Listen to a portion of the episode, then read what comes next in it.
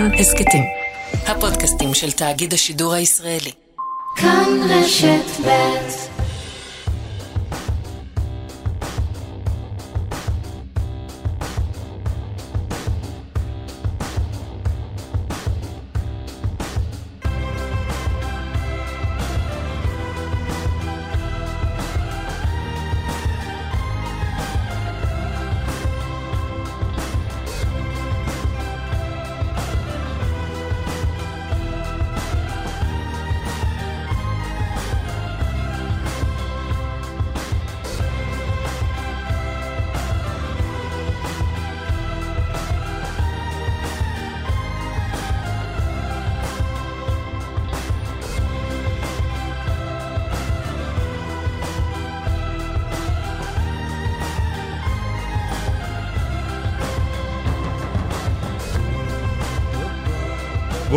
בוקר טוב. המאזינים מקבלים הבוקר גרסה אה, יותר משוחררת שלנו, יותר רפויה. יותר מהנה אולי אפילו, יש שיאמרו. אה, בוא נשאיר שידור. להם- בוא נשאיר להם להגיד.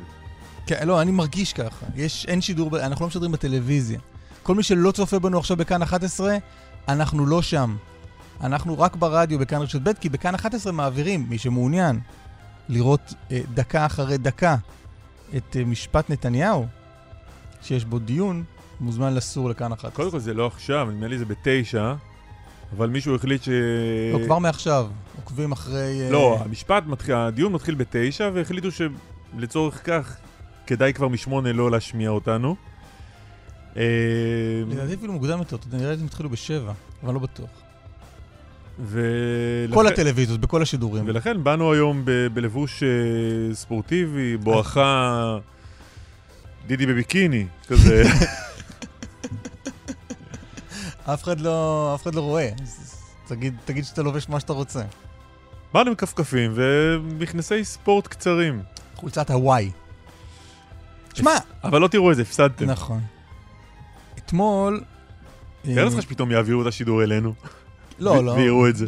ויראו שאתה לובש סתם בגדים של אדם, של אדם מן היישוב. אפשר לדבר או שאתה רוצה עוד אה, לא, מה משהו על פתאום? הגרדורוב מה שלך? פתאום? מה פתאום? אתמול התראיין יושב ראש יש עתיד יאיר לפיד אצל אה, מיודענו, עמיתנו, חברנו אריה גולן. הופה. יש לו שידור, יש לו תוכנית יומן בוקר. כן, נאחל לו הצלחה בדרך החדשה שהוא בחר בה. לאריה. כן. כן, בחור צעיר בתחילת דרכו. אה, נכונו לו עלילות. נקרא הבוקר הזה. שיהיה בהצלחה. כן. אה, הרעיון, צריך להגיד, הרעיון של יאיר לפיד אצל אה, אריה גולן זה הרעיון הכי קרוב אלינו, נכון? זה נכון. ממש שעה לפנינו. זה- נכון. זה- זה כמעט להתראיין אצלנו, אבל נשאר אבל לא. עוד טיפ-טיפה אולי זה היה קורה. אה, יאיר לפיד דיבר שם על כך, הוא נשאל על הדמוקרט... האין דמ- דמוקרטיזציה במפלגה, האם יהיו מתישהו בחירות להנהגת היושב ראש, פריימריז פתוחים, מתפקדים, משהו. אז, אז יש בשורה מהרעיון הזה. ועידת המפלגה היא שתבחר את היושב ראש בשנה הבאה. קודם כל יפה. קודם כל, קודם ברכות. כל יפה. אנחנו בעד דמוקרטיה וזה יפה. מי זו ועידת המפלגה כן, ואז אתה אומר שתבחר? לעצמך, רגע, רגע, ועידת המפלגה, אז בוא, נבח... בוא, בוא נבדוק את הדבר הזה. מי האנשים האלה שיבחרו את היושב ראש? כן. אז הלכנו לתקנון יש עתיד. ועידת המפלגה תמנה 120 חברים ותורכב באופן הבא. כלומר, אלה האנשים שהולכים לבחור מי יהיה היושב ראש. 120 באופן- חברים. באופן פתוח. מה באופן פתוח? הבחירות. אה, בין באופן- ה-120 האלה. לא, כן. 120 הם- הנבחרים האלה בוועידה ביש עתיד, הם יבחרו את היושב ראש. 120 אנשים חופשיים. כן. כל אחד מהם יבחר... אז אוקיי, אז ועידת המפלגה תמנה 120 חברים ותורכב באופן הבא. חברי הכנסת של המפלגה, שאתה זוכר מי מינה אותם, יאיר לפיד נדמה לי, יאיר לא? לפיד מינה אותם. ראשי רשויות חברי המפלגה, שמי קיבל אותם להיות כאלה? לא יודע. לא. יודע. אחד יאיר לפיד. לא יודע. יושב ראש המפלגה יהיה רשאי, אם חפץ בכך, למנות עשרה אחוז מבין חברי הוועידה. כלומר עוד עשרה אחוז זה רק הוא ממנה. רגע, מי זה יושב ראש המפלגה? אה, זה שיתראיין אצל אריה. אה, ועידת המפלגה הנבחרת הבאה תכלול לפחות 25% מצירי הוועדה שקדמה לה. כלומר, אם ליושב ראש יש אחיזה כבר כיום בוועידה עוד 25 אחוז. עוד 25 אחוז. הנהלת המפלגה תהיה רשאית, אם חפצה בכך, למנות 25 אחוז מצעירי הוועידה. מי מינה את הנהלת המפלגה? יושב ראש המפלגה. נדמה. לי, נדמה לי שזה יאיר לפיד. אבל הנה, אה, לא, אבל עכשיו אתה, אתה קטנוני. אני קטנוני. כי עד עכשיו זה היה נראה כאילו את כולם סידר במקום הזה יאיר לפיד, ולכן הם יבחרו בו. תגיע לסעיף הבא ותראה כמה מפלגה חופשית. יתר חברי הוועידה הארבע- הארבעה שנשארו, י- י- ייבחרו מבין חברי המפלגה. שזה מלא אנשים, ולך תדע מה הם חושבים ואת מי הם מעדיפים. שנשארו בערך, אם, אם אתה, אתה מחשב הכל, קשה לדעת כמה נשארו מהדבר הזה, אבל יש לך, אני, אני מעריך שקצת פחות מחצי. כלומר, היושב ראש מגיע, כיוון שאתה צריך, אם, אם אני זוכר נכון איך מתקיימות בחירות, אתה צריך רוב כדי להיבחר, אז המועמד מתחיל עם נקודת פתיחה מבטיחה שיש לו, יש לו סיכוי להשיג רוב מקרב המיעוט. אתה קטנוני אתה. הבן אדם רוצה סוף סוף, אחרי שהפריעו לו במשך שנים, לקחת את המפלגה למקום דמוקרטי, ואתה עם התקנונים הקטנים האלה שלך, 10% מפה, 25% משם, זה לא יפה. זה לא יפה. מקבל את זה ההערה. לא יפה. מקבל את ההערה. אז בואו נתחיל למקומות uh, דמוקרטיים יותר. כן, מה... המערכת שלנו. כן, העורך הוא איתמר דרוקמן. עוד רגע אתה תגיד מי מתראיין, בסדר? כן. שנבחר בבחירות דמוקרטיות, אגב, דרוקמן. נכון, נכון. היה מכרז. נכון? דרוקמן עבר מכרז. חשוב, חשוב להגיד, מכרז פתוח. אה, אגב, מכרז כושל בעיניי, אם זו כן, לא התוצאה ברור, בסוף, לא אבל... ברור, כן. צריך לבדוק את כל שיטת המכרזים מחדש. בהפקה אליי הגנה בנדב רוזנצוויג, על הביצוע הטכני אמיר שמואלי. מי יהיה בתוכניתנו הבוקר? עוד שנייה, הבוקר, הבוקר הזה? כן, פרופסור איתמר אולי אם גרוטו. נקרא לזה הבוקר הזה, אולי יאיר לפיד יבוא. נבלבל אותו. אה, פרופסור גרוטו, המשנה למנכ"ל משרד הבריאות, תהיה עוד שנייה. אה, נדבר על משפט אה, נתניהו. יש משפט לעוד כמה אנשים שם, שגם יהיו שם, אבל נתניהו מרכז. המרכזי שבהם. מה עוד? מה עוד? יועז הנדל יהיה כאן. איש תקווה חדשה. וגם נדבר עם אה, מומחית מהאוניברסיטה העברית אה, על ההשלכות של אה, המשך אה, הסגר בבתי הספר על הילדים. ועוד ועוד. פרופסור איתמר גרוטו, המשנה למנכ"ל משרד הבריאות, שלום, בוקר טוב. שלום ובוקר טוב, אה, אסף, בוקר טוב, קלמן. מה שלומך? אה, בסדר. בסדר. קצת מבולבלים אחרי ישיבת הממשלה ואחרי כל ההתלבטויות בימים האחרונים, כן מערכת חינוך, לא מערכת חינוך, כן פותחים את המשק, לא פותחים את המשק. אתה יכול לעשות לנו סדר? אה, קודם כל, אה, התקיים אתמול דיון אה, מאוד בממשלה שהיה מאוד מעמיק בנושא הנתונים של התחלואה, נתוני יעילות החיסון ושאלות אחרות מקצועיות שמומחי משרד הבריאות ענו להם, ובהחלט אני חושב שהשרים הקשיבו בקשר רב, והיה ישיבה שקטה ומאוד רצינית. אה, בסוף אנחנו נמצאים בפני אה, באמת דילמה. אה, דילמה שמצד אחד, אה, ככל שאנחנו רואים, אמנם יש לנו כבר שיעור גבוה של מתחסנים, אבל זה עוד לא מספיק. אה, מצד שני, יש לנו וירוס מאוד מאוד אה, מדבק, שכרגע יכול לפעול בצורה ולהביא להדבקה מאוד מאוד נרחבת בקרב ילדים, גם מבוגרים, אבל כרגע, היות שדובר על החינוך, אז בקרב ילדים, ויש פה באמת אה, אה, החלטה לא פשוטה בין מצד אחד אה, לשמור על הבריאות של כולנו, מצד שני לשמור על החינוך שהוא חשוב מאוד, אה, ואני חושב שאחד הבעיות הוא שאנחנו צריכים עוד קצת זמן גם כדי לראות אה, לאן אנחנו הולכים, וגם להמשיך לחסן אנשים יותר ויותר. ככל כל יום שעובר ומתחסנים עוד אנשים, מצבנו טוב יותר. מה מה אתה רוצה לראות עכשיו, מבחינת יציאה מהסגר? אה, קודם כל הייתי רוצה לראות, והדבר בראש ובראשונה, אה, היענות- היענות גדולה יותר לחיסונים, אה, והגעה של אוכלוסיות, אחרי שהייתה היענות, עדיין יש לעשות השלמות בקבוצות הגיל המבוגרות, אבל בקבוצות הגיל היותר צעירות, אה, 40 עד 60, אם הזכרת את זה כבר, אתה יודע לתת לנו נתונים על, אה, על הימים האחרונים? נגיד אתמול, מה היה בחיסונים?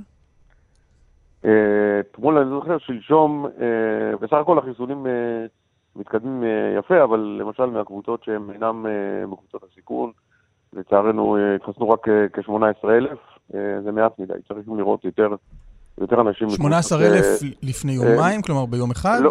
לא, ביום אחד, ביום אחד 18,000, 18, 20 אלף זה מה שכרגע מגיעים מהקבוצות שאינם. שמתחת לגיל 60. אבל אלה המספרים או בגלל ששלשום הייתה שבת ואולי זה זה יום לא מייצג? אה, זה חלק מהתמונה, למרות שגם בשבת אה, באים, אבל בסך הכל אני חושב שכרגע המטרה העיקרית של מבצע החיסון אה, צריכה להיות באמת השלמה של החיסונים בקבוצות הגיל מעל 60, שזה יותר, יותר, השיעור יותר גבוה, מצד שני זה אנשים שיותר קשה להגיע אליהם כבר, ומצד שני, לאותם אנשים שכן יכולים לבוא בקלות ולהגיע ולא צריכים איזשהו חיסון שיביאו להם הביתה או משהו כזה, שפשוט יגיעו. אה, אני חושב שגיל 40 עד 90 עכשיו זה אה, קריטי שכולם אה, יגיעו להתחסן יש כוונה מהירה. לחסן גם את אלה שמתחת לגיל 16? או שזו הרצפה ושם נישאר? כרגע יכול להיות שבמקרים מאוד חריגים, שבהם יש סיכון מאוד מאוד גבוה לאותו ילד לחלות, שבאמת אפשר לשקול חיסון אה, בנוהל שנקרא נוהל 29, זה נוהל שבאמת נותנים את זה באופן חריג על ידי החלטה פרטנית של הרופא המטפל. אז רק לחריגים. וכולי, לא באופן אה, גורף. בשלב זה לא, לא יותר, זאת אומרת כדי להגן על אותם ילדים שבאמת נמצאים בסיכון גבוה מאוד. כמה, כמה, זה, מפ- כמה זה מפתיע אותך, אמ, או, או תנסה לתת לנו איזו תמונת מצב לגבי כמה באמת לא מתחסנים מחוץ לגבולת, לקבוצת הסיכון? אה, תראה, אנחנו ב- בקצב לא, לא מספיק גבוה בקבוצה הזאת. צריכים בהחלט אה, לעודד את הציבור להגיע להתחסן. אה, קשה לי להעריך, אה, ואני חושב שרוב האנשים שלא באים זה לא בגלל שהם מתנגדים. זאת אומרת, אה, יש פה ושם כיסים אולי של התנגדויות, אני חושב שזה, קצת עושים מזה יותר מדי. מצד שני, זה עניין של... כן, אתה לא חושב שזה, שזה הקבוצות של מכחישי הקורונה ש, אה, שנותנות שם את הטון? אתה חושב שמה, זה פשוט אה, מה, לא, אה, עצלות או חוסר רצון? אה, כן, זה כמו שבצורך העניין נשווה את זה לבחירות אה, אולי, אז בסוף לא כולם מגיעים להצביע, למרות שזו זכות, ואפילו חובה דמוקרטית מאוד, אה, לדעתי חובה דמוקרטית מאוד, אה, Mm. מאוד בסיסית, אבל יש אנשים שלא עושים את המאמץ הקטן הזה וללכת לקלפי ולשים את הפתק. אתה, אה, לא, אתה לא חושב אבל שזה מתוך התנגדות אה, אה, עקרונית, רעיונית, אידיאולוגית לחיסונים. כן, אם אני אמשיך עם האנלוגיה שעשיתי, זה לא בגלל שאנשים מתנגדים לשיטה דמוקרטית, אלא פשוט הם לא, לא, זאת אומרת, לא לא מספיק חשוב להם. הקטן הזה. אז אני חושב שזה באמת, צריך להיות, אה, להבין שזה באמת חשוב לכולם, גם קודם כל ברמה האישית. אה, עדיין אנשים בגיל הזה יכולים להיות בסיכון, וגם ברמה, כדי שנעזור לכולנו כדי לצאת מ- לצאת מזה. טוב, הסטנו אותך הצידה לעניין החיסונים, בוא נחזור לעניין, אה, לעניין הלימודים. מה העמדה שלכם לגבי חזרה ללימודים? אה, אנחנו בעצמנו גם אה, מתלבטים, ועל רקע ההתלבטות הזאת בעצם הצענו את התוכנית של אה, פתיחה מאוד זהירה ורק ב, רק ביישובים ירוקים וצהובים. הבעיה שגם זה יוצר איזשהו קושי מסוים, כי בסוף יש מעט רשויות, יחסית מעט רשויות כאלה. רגע, אז תעשה לנו. סדר, מה המתווה, ולכן- מה המתווה שלכם כרגע לפתיחה? תראו, יש פה שני דברים. אחד זה מה פותחים, ומה פותחים אנחנו הצגנו בצורה ברורה שאנחנו מדברים על פתיחה במקומות שבהם התחלואה נמוכה, אזורים צהובים וירוקים. הקושי הוא שזה מכסה חלק קטן מהארץ, אז זה באמת תהיה פתיחה חלקית. גם, גם אם אה, הייתה פתיחה מחר ביום שלישי, אז היא הייתה מאוד חלקית. אה, יש מאוד הרבה יישובים כתומים ואדומים, לא רק במגזר הערבי או במגזר החרדי, אנחנו רואים את זה בכל הארץ. אז זה מצד אחד אה, לעניין הזה. אני חושב ש... אה, דבר שני, אנחנו מחפשים אה, עדיין, יחד עם משרד החינוך, אה, פתרונות אה, לפתוח את זה גם כשזה נפתח באותם מקומות בצורה יותר בטוחה. אה, שזה מדהים, ש- אנחנו מציינים החודש הזה שנה למקרה הראשון שהתגלה בישראל להידבקות בקורונה. ידענו כבר הרבה זמן שיש את הבעיה הזאת. אה, לא מצאנו עד עכשיו פתרונות שיאפשרו ללמוד בצורה בטוחה? זה לא ממש משונה? אני חושב שפה אפשר להכות על חטא. אני חושב שפה... אה, אני, אני לא מדבר, לא רוצה להאשים אף מקום ואף אה, משרד אחר, אני חושב שאנחנו כממשלה, או, או למשל פקידים בממשלה שנבחרו, דרך אגב, במכרז, ולא ב... לא, אגב, השיחה שלכם בהתחלה. אה, אז לא, אולי לא מספיק גם לחצנו מצד משרד הבריאות, או גורמים מתוך משרד החינוך, לחשוב על פתרונות יותר יצירתיים. קצת קיבעון מחשבתי בעניין הזה, ויכול להיות שזה פה נקודה שעדיין לא מאוחר מדי לתקן, אה, אבל זה גם, זה תהליך שלוקח זמן, זאת אומרת, זה לא, גם לא יכול לקרות מהיום למחר. אה, לפרוס ולפתוח אבל אתה גם אומר, היה מספיק אחרת. זמן כדי כן למצוא פתרונות. ראית את המכתב הזה ש... של... אני חושב שלא לא, לא. לא השקענו מספיק בנקודה הזאת. אה, אה, כולנו ביחד כממשלה, אני חושב בנקודה הזאת אה, לא נעשה מספיק, ואני חושב שלמשל אפילו מסכים, ניקח... ואתה מסכים עם, עם המבקרים, למשל צוות, אה, הצוות הבינתחומי לילדים וקורונה של הדסה והעברית, שמתאר את הנזקים העצומים שנגרמו לילדי ישראל בגלל חוסר העשייה המספקת בתחום הזה, אתה מסכים איתם? אה, אני מסכים איתם שבהחלט זה גורם לנזק אה, משמעותי אה, לילדים, אה, אבל בסופו של דבר אני חושב שאם נסתכל על המשוואה, הנזק הוא פוטנציאלי. אה, אני חושב שחלק לא קטן ממנו הוא בר תיקון. לעומת זאת, מי שנפטר מקורונה זה כבר לא בר תיקון. לא, לא, הם אומרים בעצם את מה שאתה אומר, הם אומרים שלמקבלי ההחלטות היה במ- במשך הסגר האחרון והסגרים הקודמים, די ויותר זמן לגיבוש צעדים להקטנת סיכונים אלו וליצירת שגרה חינוכית הולמת. אתה, אתה מסכים איתם בהקשר הזה. Uh, בהקשר הזה אני, אני מסכים בנקודה הזאת, אבל אני חושב שזה באמת, uh, גם, זאת אומרת, אה, אני לא, לא שאני בא להגיד שזה, שזה בסדר, אבל אני חושב מצד שני שצריך להבין שזה מאוד מאוד קשה, זאת אומרת, מערכת החינוך, מערכת מאוד מורכבת, יש בה חזקים של, של הסתדרות המורים, ושצריך לרתום אותם ל... לעשייה, וחלק זה כי בלי, כי זה באמת דורש מהם מאמץ ושינוי תפיסה ושינוי לעבור ללמד בכיתות קטנות, ללמוד בחלק מהמקומות, אני אומר, נגיד, אה, לא חייב ללמוד בחוץ, אפשר גם אה, להשתמש במבני ציבור נוספים, שהם אלה סגורים עכשיו בגלל הסגר, אז כדי להרחיב את ה... אבל כשאומרים למערכת החינוך אה, ולמורים לצאת מחוץ לבית ספר, אז זה נהיה בעיה. אני חושב שבדברים האלה לא, לא מספיק, גם נעשה מאמץ אולי גם לשיח עם המורים כדי, כדי שאנחנו נגיע למצב שיהיה יותר... יותר גמישות בהפעלה, שתאפשר הפעלה בטוחה. אה, ונכון, אנחנו באמת קוראים הרבה מאמרים גם מחו"ל וגם המלצות של ה-CDC אפילו, שאומר שניתן לפתוח את מערכת החינוך, אבל בצורה בטוחה. אז אצלנו לא הגענו מספיק לצורה הבטוחה הזאת. זה לגבי מערכת החינוך. מה לגבי המשק כולו, פתיחת עסקים, אפרופו האזהרה אתמול של אה, דוקטור שרון אלרועי פרייס ב- בישיבת הממשלה, שאם נפתח את המשק, מספרי החולים הקשים והמתים ירקיעו? אה, אני, אני, אני בהחלט, אה, אני, אני מסכים שיש פה, אסור לעשות פתיחה של יותר מדי דברים ביחד. אה, אבל יכול להיות שגם חשיבה קצת אחרת, זאת אומרת, בסופו של יום כן מוכנים לפתוח. יכול להיות ששווה אפילו לשקול לפתוח חלקים אחרים ולא את החינוך. אבל זו שאלה שבינתיים ההחלטה הערכית, וכנראה הנכונה כרגע של הממשלה, זה קודם כל חינוך, כי זה חשוב מבחינה ערכית. וגם מבחינת השפעה לאחר הבריאות של התלמידים. לא, אבל אתה גם חושב שאם נפתח את העסקים נראה פה מספרים משוגעים של מתים רצים למעלה? אני חושב ש... תראה, זה בסוף, גם דוקטור שרון אה, אלרועי פרייס אומרת שבעצם זה עניין של לא צריך לפתוח יותר מדי דברים ביחד. אז אה, יכול להיות שאפשר אה, לפתוח באיזשהו אופן מצומצם את המסחר ולא במקום, במקום מערכת החינוך, כן, זה גם אופציה, אבל זה כרגע לא, לא נמצא לדיון, כי אנחנו אה, אומרים כרגע מערכת החינוך תחילה. זה משהו שהוחלט כבר בישיבות ממשלה קודמות אה, לפני הרבה זמן. אה, יכול שגם פה אפשר לעשות איזשהו שינוי.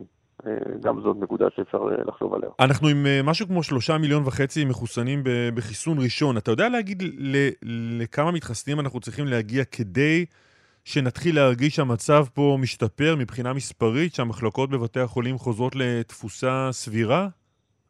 אה, כדי שהחיסון יתחיל להשפיע גם, קודם כל הוא מגן בצורה אינדיבידואלית, אבל כדי שהוא יתחיל להשפיע גם ברמה של, אה, אה, נקרא לזה חסם להתפשטות הדבקות, או שקראו לזה, זה לא חסינות עדר, כי זה לא מצב שהוא באמת חסינות עדר שהוא מכסה לגמרי מחלה, כן, אבל הוא בהחלט מוריד את הסיכון. ההערכות שלנו מדברות על שצריך להגיע לחמישה מיליון אנשים שחוסנו בשתי מנות, אז יש לנו עוד עבודה לעשות בעניין הזה, וככל שאנשים יבואו מהר יותר להתחסן, נוכל לגמור את זה. יש מספיק חיסונים, ואני חושב ש... אני קורא מכאן לאנשים לבוא ופשוט לממש את זכותם. אני עוד אה, שבועיים עם המנה השנייה, אז הכל יהיה בסדר. אני אומר, זה זכות וחובה לבוא להתחסן עכשיו. תגיד, אנחנו הרצנו פה לפני, נדמה לי שבועיים, שלושה, משהו כזה, תרחישים עתידיים, מה הולך לקרות כשאחרי החיסונים אה, המצב פה ישתפר, ובאחד התרחישים האלה ראינו את עצמנו יושבים לליל הסדר עם משפחה מורחבת סביב לשולחן אחד, בסלון אחד. זה נראה לך חלום בר מימוש? אולי אני אנסה לנסח את זה בצורה כזאת, אה, זאת אומרת, אם נוותר על פורים, אה, ואת פורים לא נעשה ב... ולא נעשה חגיגות בפורים, אה, אז יש סיכוי שבפסח נוכל... תנו לי את פורים, אה, אני אתן. לכם את פסח, אתה אומר. מתווה גרוטו, אה, מתווה הפשרה של גרוטו. אתה אומר, כן. אה, אל את אני פורים. קונה את זה, אני קונה את זה. אוקיי. זה, זה, זה בערך, כמובן זה לא רק פורים עצמו, אבל כל מי שמסביב. אה, והתהליך הוא מכניס לך את האותיות עכשיו אתה הקטנות. מכניס לי גם מסביב. זה. לא רק ממש דיברנו על פורים תמורת פסח. כן, בהחלט, אני חושב שזה זה, זה איזשהו מסר שאפשר להעביר אותו. פרופסור איתמר גרוטו, תודה רבה. תודה רבה. תודה רבה ויום טוב. בסדר גמור. מה, אתה מסכם את השיחה מה... לא, לא, דיברתי עם איתמר, לא אה, דיברתי. עם- לא, לא, סליחה. מה, אני כל כל דבר שאני אומר למיקרופון, כולם צריכים לשמוע. לא, מה פתאום, להפך. אה, אנחנו עוד רגע נעבור לבית המשפט המחוזי אשר אה, בירושלים. אה, הסוציולוגיה שתו, בואו ניקח קצת תגובות מטוויטר, כן.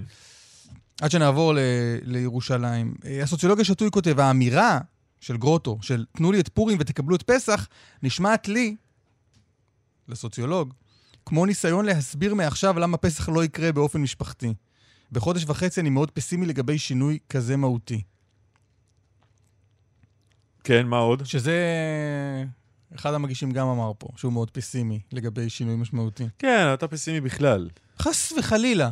מה? אני פסימי? תן לי תחזית אופטימית שלך. יהיה טוב. Hmm, זה כללי כזה, יהיה טוב. מתי זה יהיה? אמ, מתי זה יהיה? ייקח עוד הרבה זמן, הנה פסימי. לא, לא, יהיה- יהיה בסדר.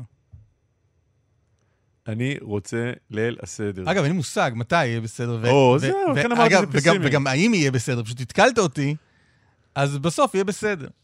אני יושב בליל הסדר עם שולחן גדול, התהפך הגרוטו והעולם.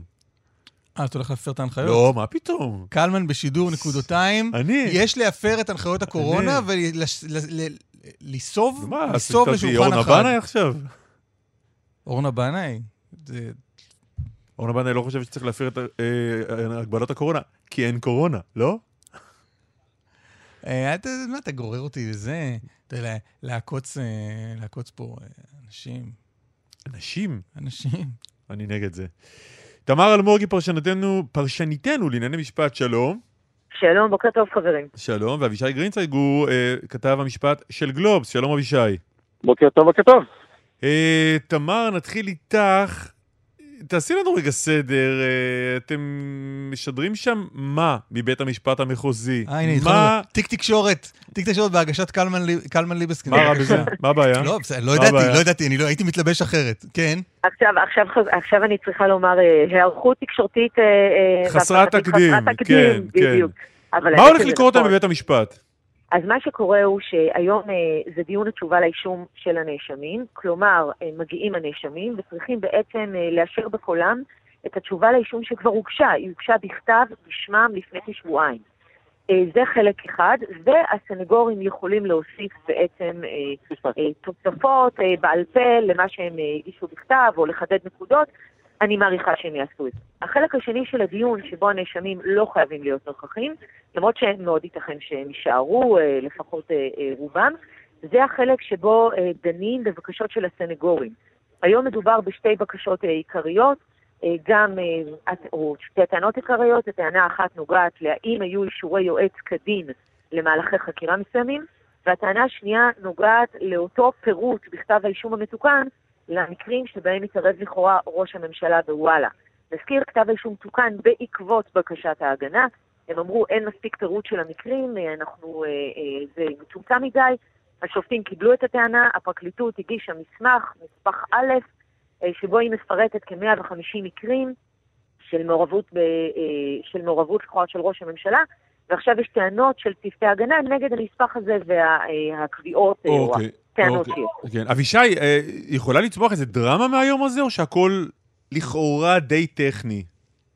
אה, הכל טכני, אבל במשפט של ראש הממשלה גם הטכני הוא יכול להיות דרמה בנוגע לסיום התשובה של ראש הממשלה לאישום ובסיום של טענות נוספות, אה, ייקבע נבחרת מתי... לעמוד בראש מחלקת כן. הפרומו של של של המשפט. המשדר, כן, של המשפט, של המשדר המיוחד הזה.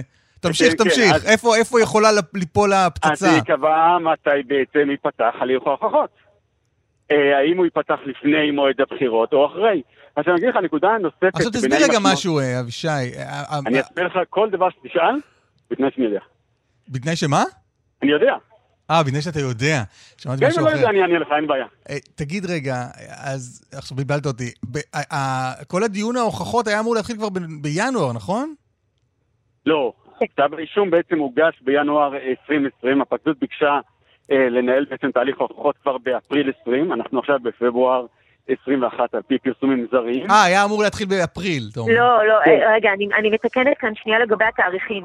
מה שהיה אמור לקרות היה אמור להיות, בינואר הוגש כתב האישום והיה אמור להיות כבר במרץ, ואז בגלל הקורונה זה נדחה וההקראה, תחילת המשפט הייתה במאי.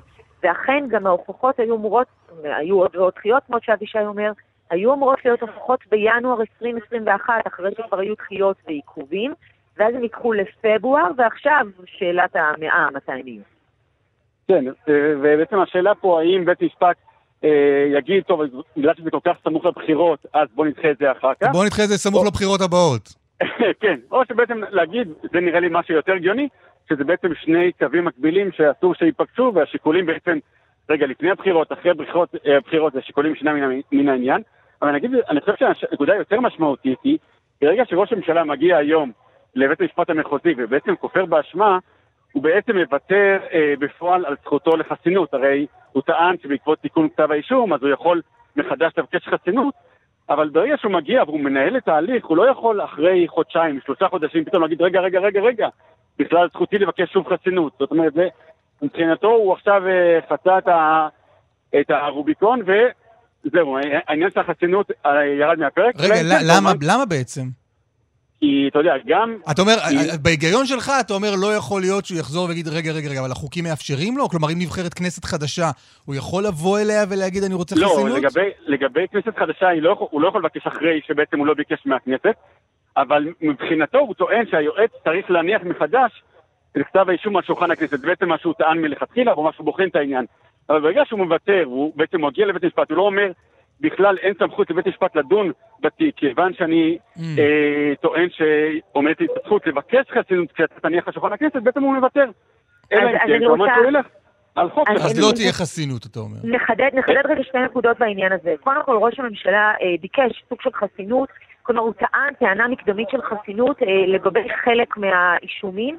הוא אמר שחל לאותה טענה מקדמית של אה, חסינות, אה, כאילו מעשים, למשל אה, העברת חקיקה, היא במסגרת תפקידו. זה דבר אחד. עכשיו, לגבי חסינות, כאשר במקרה להבדיל, כמו של חיים כץ, הכנסת מקנה חסינות, הרי שהיא בטלה וצריך בעצם לבקש אותה מחדש עם, עם קומה של כנסת חדשה. אפשר תמיד לטעון בדיעבד, אבישי צודק שזה כמובן מקטין את הסיכוי של זה, אבל טענות וניסיונות אפשריים, מה בעצם מתכנן ראש הממשלה? הוא אומר, התוספת, אותה, אותו נספח א', אותם תיקונים בכתב האישום שאמרנו, פירוט המקרים שהוא לכאורה התערב, זה כמו כתב אישום חדש, ולכן יכול להיות שניתן חסינות מחדש.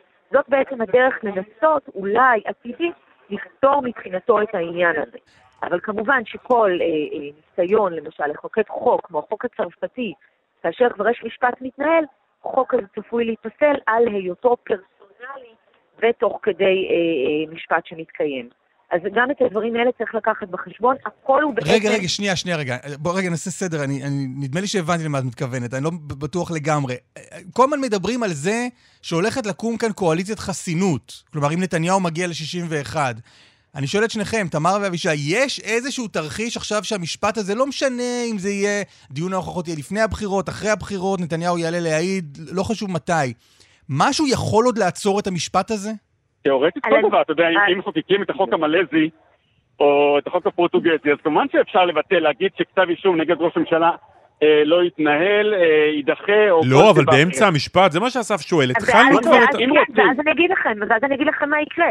אה, זה מה שדיברנו עליו, חקיקה פרסונלית, שמשנים את הכללים תוך כדי משפט, יעתרו נגד זה לבג"ץ, בג"ץ סביר מאוד יפסול חוק כזה, ואז השאלה, איך, האם, יבט, האם גם יהיה חוק שיגיד שפסיקת בג"ץ אה, לא תופסת על מקרים של חוק שנוגע למשפט של ראש ממשלה. יש איזשהו. חוק בארסנל החוקים הקיים שאנחנו מכירים, אתה זורק מלזי זה- ופורטוגלי, אבל אה. יש משהו כזה באמת? זה מה שבעצם ניסו להגיד, זה מה שניסו לעשות בבחירות לכנסת ה-21, שיחד עם חוק חסינות גם לקדם אה, חוק שמונע מבג"ץ להתערב לא רק בחוקים, אלא גם בהחלטות מנהליות של הכנסת. אה, ורק אם נותנים... יש החלטה, יש החלטה כזאת, אבל אפשרית? לא, אין, אין, אין כרגע משהו כזה שמאפשר את זה. אפשר למצוא על בסיס החוק הקיים כל מיני, מה שאמרנו, לטעון שכתב האישום היה מתוקן, או כתב אישום חדש, וכאלה, אבל מבחינת חוק שקובע מפורשות שאפשר לעשות את הדבר הזה, אין לפחות נכון לעכשיו. אני רוצה לחזור עוד שנייה אחת לתאריך, לשאלה הזו אם אה, לפני הבחירות או אחרי הבחירות. הבחירות הן בעוד 40 ומשהו יום, משהו כזה, נכון? כן. כלומר? די בכך שהשופטים נותנים לצדדים להתכונן מעט לדיון הבא, וכבר עברנו את הבחירות, אז הדיון על השאלה אם דוחים את הדיון הבא לאחרי הבחירות או לא, הוא באמת כל כך קריטי? אבישי. אני חושב שהאמת שהוא כן קריטי, כי עצם זה שאתה נכנס ומכניס את השיקול הזה של בחירות, אתה בעצם מערבב בין ההליך הפלילי לבין ההליך הפוליטי, וזה משהו שהוא בעייתי, הוא ילווה אותך כל הזמן, ואז רגע, יש לו בישיבה חש- חשובה בחו"ל, יש, יש אה, דיונים של הרכבת ממשלה, אה, מה קורה עם הקדמת בחירות עוד פעם. אה, אני חושב שאי אפשר לצאת מזה, זה לא משנה אם זה יידחה בשבוע או בשבועיים. אתה, אתה נכנס לזה, אתה לא יודע איך אתה יוצא מזה. טוב, אה, אנחנו מבינים שהוא הגיע לבית המשפט, ראש הממשלה. אה, כן, זה מה שהקולות פה גוברים, הוא כמובן נכנס מכניסה צדדית ומאובטחת. אה, אז אנחנו פה, אני- אז אנחנו פה ננצל את זה שאנחנו. יושבים אה, מול מסכי הטלוויזיה. ורואים שמשהו מגיע. כן. כן, אז אני רואה את עורכי הדין שלו מאחוריי. מה אתה אומר, אה, אה, אבישי? אני אומר, אתם יכולים לשמוע פה גם את הצעקות של המפגינים, אם תרצו. אה, רגע, יש מפגינים? כן, כן, כן, יש מפגינים. מפגינים לא, לא נגד או בעד? אה, מה- מהכיוון השני. זה, יש זה, שני צדדים, בכל צד יש מפגינים, והכל שהיום, בניגוד לדיון הקודם, שומעים יותר, הווליום של המפגינים אה, מתנגדי ראש הממשלה הוא הרבה יותר בולט, בניגוד לפעם הקודמת. מה יותר בולט? של ראש, מה יותר בולט? הקולות של. מתנגדי ראש של מדינת הממשלה. ראש הממשלה. כמה אנשים. פחות או יותר יש שם בחוץ? אני לא יכולה לראות, אנחנו יושבים על עמדת השידור, זה אני, אני לא יכולה למה לראות. לספור אם אפשר למנות? כשאנחנו הגענו, זה היה כמה עשרות. אנחנו רואים את עורכי הדין של ראש הממשלה מגיעים, אני רק אציין, וזה אומר שהוא ודאי מגיע מהכניסה, אה, מחניון השופטים, הכניסה המאובטחת, אה, והדיון הזה אה, יתחיל בעוד קצת יותר מרבע שעה, הוא יתחיל בזמן. באולם החדש שבנו לצורך הדיון הזה, בעצם איחדו אולמות כאן בקומה השלישית של טוב. בית המשפט. אה, יהיה מעניין. המתח בשיאו. פורמלית זה לא. המתח בשיאו. היערכות חסרת תקדים. האם הוא יעלה במדרגות, אם הוא יעלה במעלית, אה, מה- מה יהיה שם או כשהצלמים שיטרוף את הקלפים נכנסים? וישאלו אותו האם אתה מודה, והוא יגיד, אתם יודעים מה? כן. לא התכוננתם לזה. נכון? כן. זה- זה יפיל אותם. אבישי גרינצייג, גלובס, תמר אלמוג, כאן, תאגיד השידור, תודה רבה. תודה, תודה. תודה לשניכם. אה, הוא על הקו? הוא על הקו. הוא יועץ אסטרטגי. למנהיגים בעולם, שמו משה קלוגפט, שלום. מה העניינים? בסדר גמור. אתם יודעים. שמעתי את הדיון שלכם קודם על, על אה, פסח, אתם יודעים שהסדר השנה הוא יומיים, כאילו, זה מחובר לשבת וזה, אני רק מזהיר אתכם, כשאתם מביעים משאלות. אה, אתה אומר אם אנחנו מביאים אורחים, אבל לא כמו בגולן, כן. אנחנו לא צריכים פעמיים לעשות את הסדר, נכון? אפשר פעם אחת. אה, לא, אבל... בתור אה, הרב של התוכנית אני שואל אותך. לחובבי הז'אנר, אז אה, נשארים יומיים וזה, אם אתה מביא אורחים וכאלה, זה בעיה קצת. אנחנו כבר לא זוכרים מה עושים עם אורחים אחרי שנה. אז אתה עכשיו תצטרך אה, לארח אותם. אני אשמח מלא. אני אשמח. תן את. הכתובת, כל המאזינים, נכון? כל המאזינים מוזמנים אליך? הזית, 204. בואו בהמוניכם. בכל, בכל יישוב, בכל יישוב שיש בו הזית 204 אתה שם. כן, כן. גם בנחושה, גם במקומות אחרים. יפה מאוד. אה, קלוגפט, אנחנו... הרחוב אה, ארוך, אז יחסית לא, לא, למושב קטן, לא? לא, לא, אני אסביר לך פעם אה, למה המספרים האלה. זה מספרים מגרשים. אז יש מגרשים בכל המושב. אה. זה לא שברחוב הזה יש 204 אה, בתים. אין, אוקיי, אין. אוקיי. אה, אבל תבואו, תבואו, תביאו איתכם משהו. מה? כל אחד שיביא משהו, תתאמו ביניכם, שלא כולכם תביאו אותו דבר. אני אביא את קלוגפט. תשמע, אה, שבוע שעבר היה לנו מאוד מעניין איתך, אה, סיפרת לנו מה זה קבוצות מיקוד, נתת הצצה לעולם הזה. ספר לנו, אנחנו רואים מלא סקרים עכשיו, מכל מיני סוגים, ומרואיינים מגדילים לעשות ואומרים, בסדר, זה הסקר שמתפרסם, לי יש סקרי... סקרים פנימיים שאנחנו לי יש ערכנו. סקרי העומק שלי. מה, מה זה כל. הדבר הזה? תראו, קודם כל אני, אני אוריד רגע מ, על מה אני לא רוצה לדבר. יש אה, נושא שהוא, שאני קורא לו פייק סקרים. פייק סקרים זה מה שאנשים מקבלים ב-SMS. השבוע נסעתי עם, אה, עם הבן שלי והוא מקבל סקר והוא לא מבין שזה לא סקר. זה מה שאנחנו מקבלים למשל ושואלים אותנו כל מיני שאלות ואנחנו בעצם נכנסים באותו רגע למאגר מידע של מפלגות אחרי שענינו שאנחנו מצביעים, אה, לא יודע, אה, עבודה, אז באותו רגע אנחנו פשוט אה, גם נמצאים במאגר שלהם, גם נקבל מהם אינסוף אס.אם.אסים, אה, גם יוציאו צ- אותנו... ככה צדים אותך. בדיוק, גם יוציאו אותך אחר כך להצביע ביום הבחירות.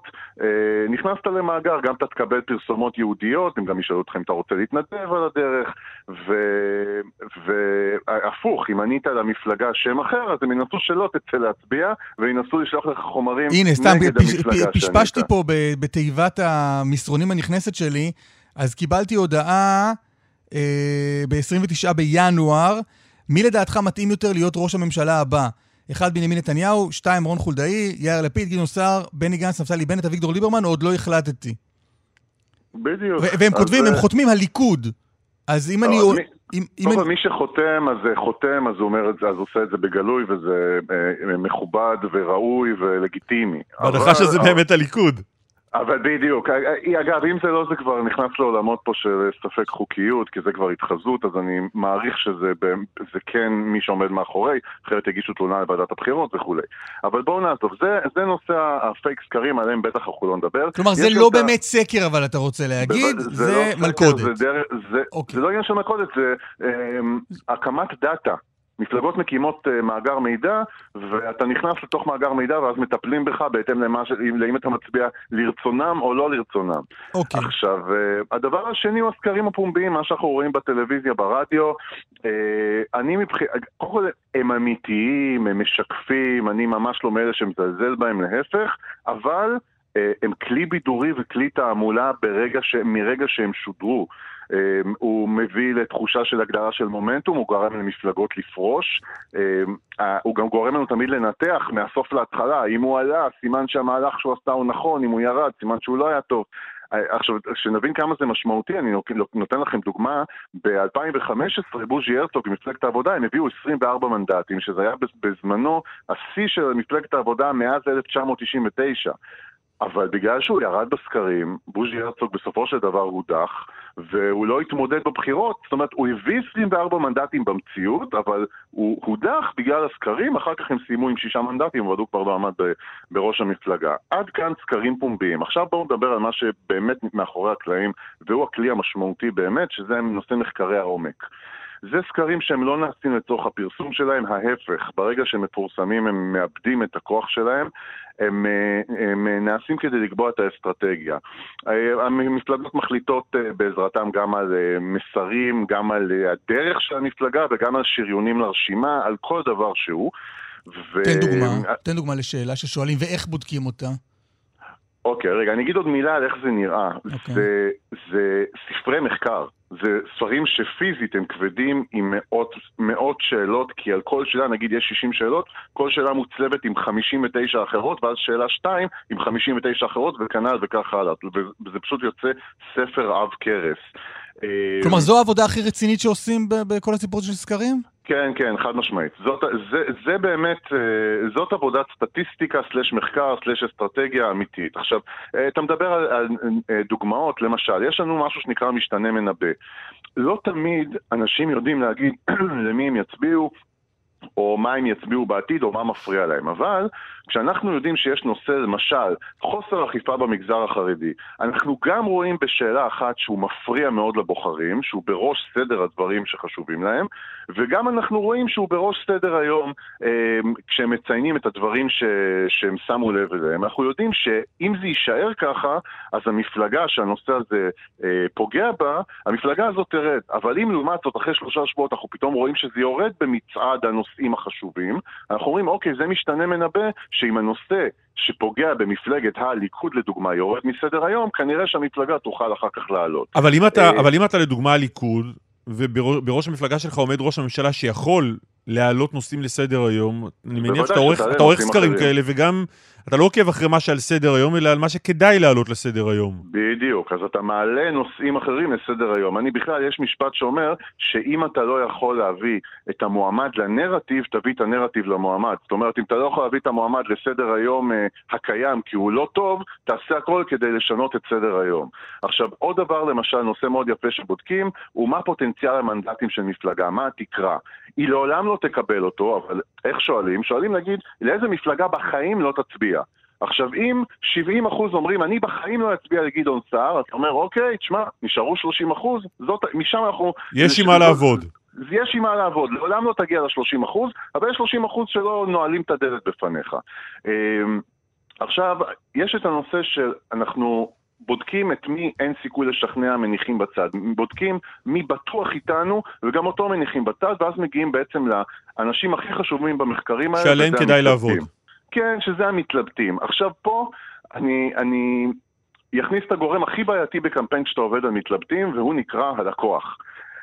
למה? למה זה לקוח? הקמפיין נהדר, אבל המועמד אה, לא, לא זורם איתו. לא, אני, אני מדבר על המועמד ברמה ההתנהלותית. למה? כי כשאתה רוצה לעשות קמפיין למתלבטים, אתה בא למועמד. עכשיו, המועמד באופן די טבעי הוא ה base של עצמו. הוא תומך בעצמו. הוא במאה אחוז סגור על עצמו. יש לקוות. כן, רצו, לא, לא כולם, אבל...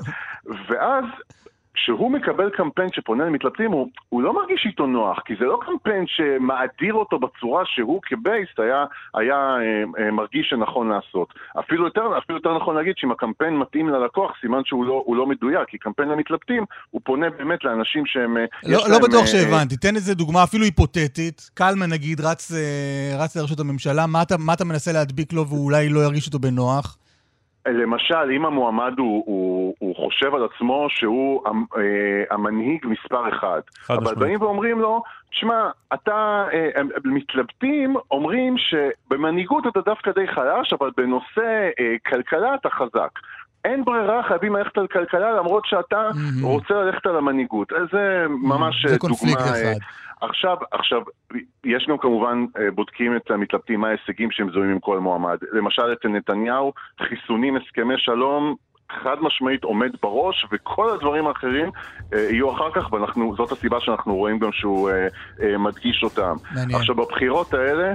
אנחנו רואים שיש תדר אצל מתלבטים של יותר אכזבה ותסכול, הרבה יותר מאשר כעס. זאת הסיבה שאנחנו רואים קמפיינים קצת יותר אה, רגועים. אה, אנחנו רואים ש...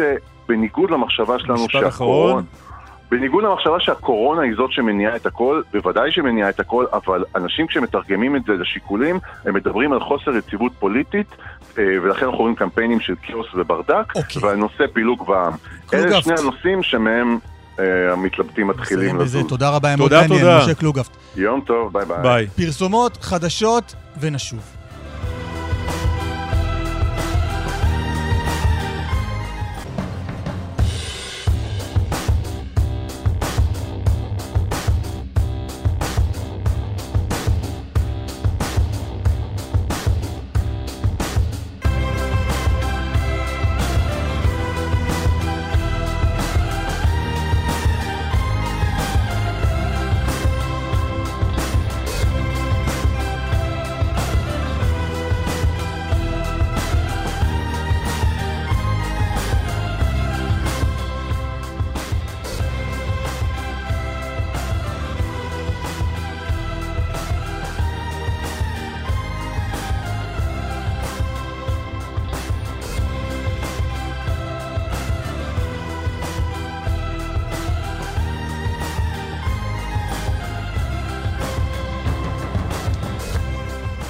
שמע, היום אה, יש דיון במשפט ההוא.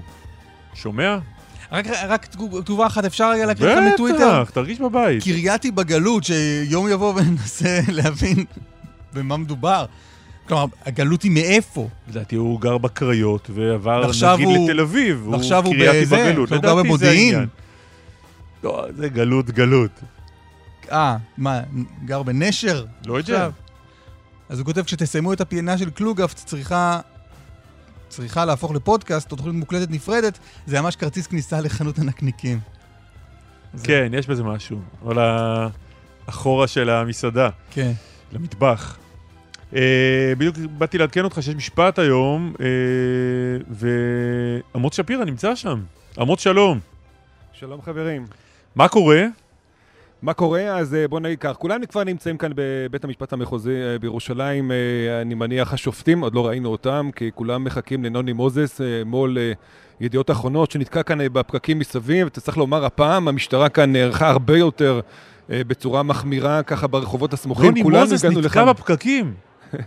כן, ממש חלף וואו. כרגע לידינו, כך שבעצם... איפה כל הדיבור אה, על זה כולם שהאיש חיכו הזה לו. בעצם שולט במדינה, על פיו יישק דבר? נוני מוזס של פעם, היה מגיע, הפקקים היו זזים. הפקקים היו נתקעים בנוני מוזס. יכול להיות, יכול להיות, עכשיו הוא הגיע בכל אופן, אז ככה שאני מניח שתוך אה, שניות ספורות אנחנו ככה נתחיל את הדיון הזה. הדיון הזה, צריך לומר, הוא בעצם עוד לא לב המשפט. למרות ההתרגשות הגדולה, עדיין זה לא לב המשפט, עדיין זה לא שלב ההוכחות שבו נשמע את העדים ממש על אה, דוכן אני העדים. רק רוצה להגיד, אתה אומר למרות ההתרגשות הגדולה, אני לא בטוח שיש התרגשות גדולה. כלומר, אנחנו, התקשורת, עושים התרגשות גדולה, אני לא בטוח שהציבור עוצר את נשימתו.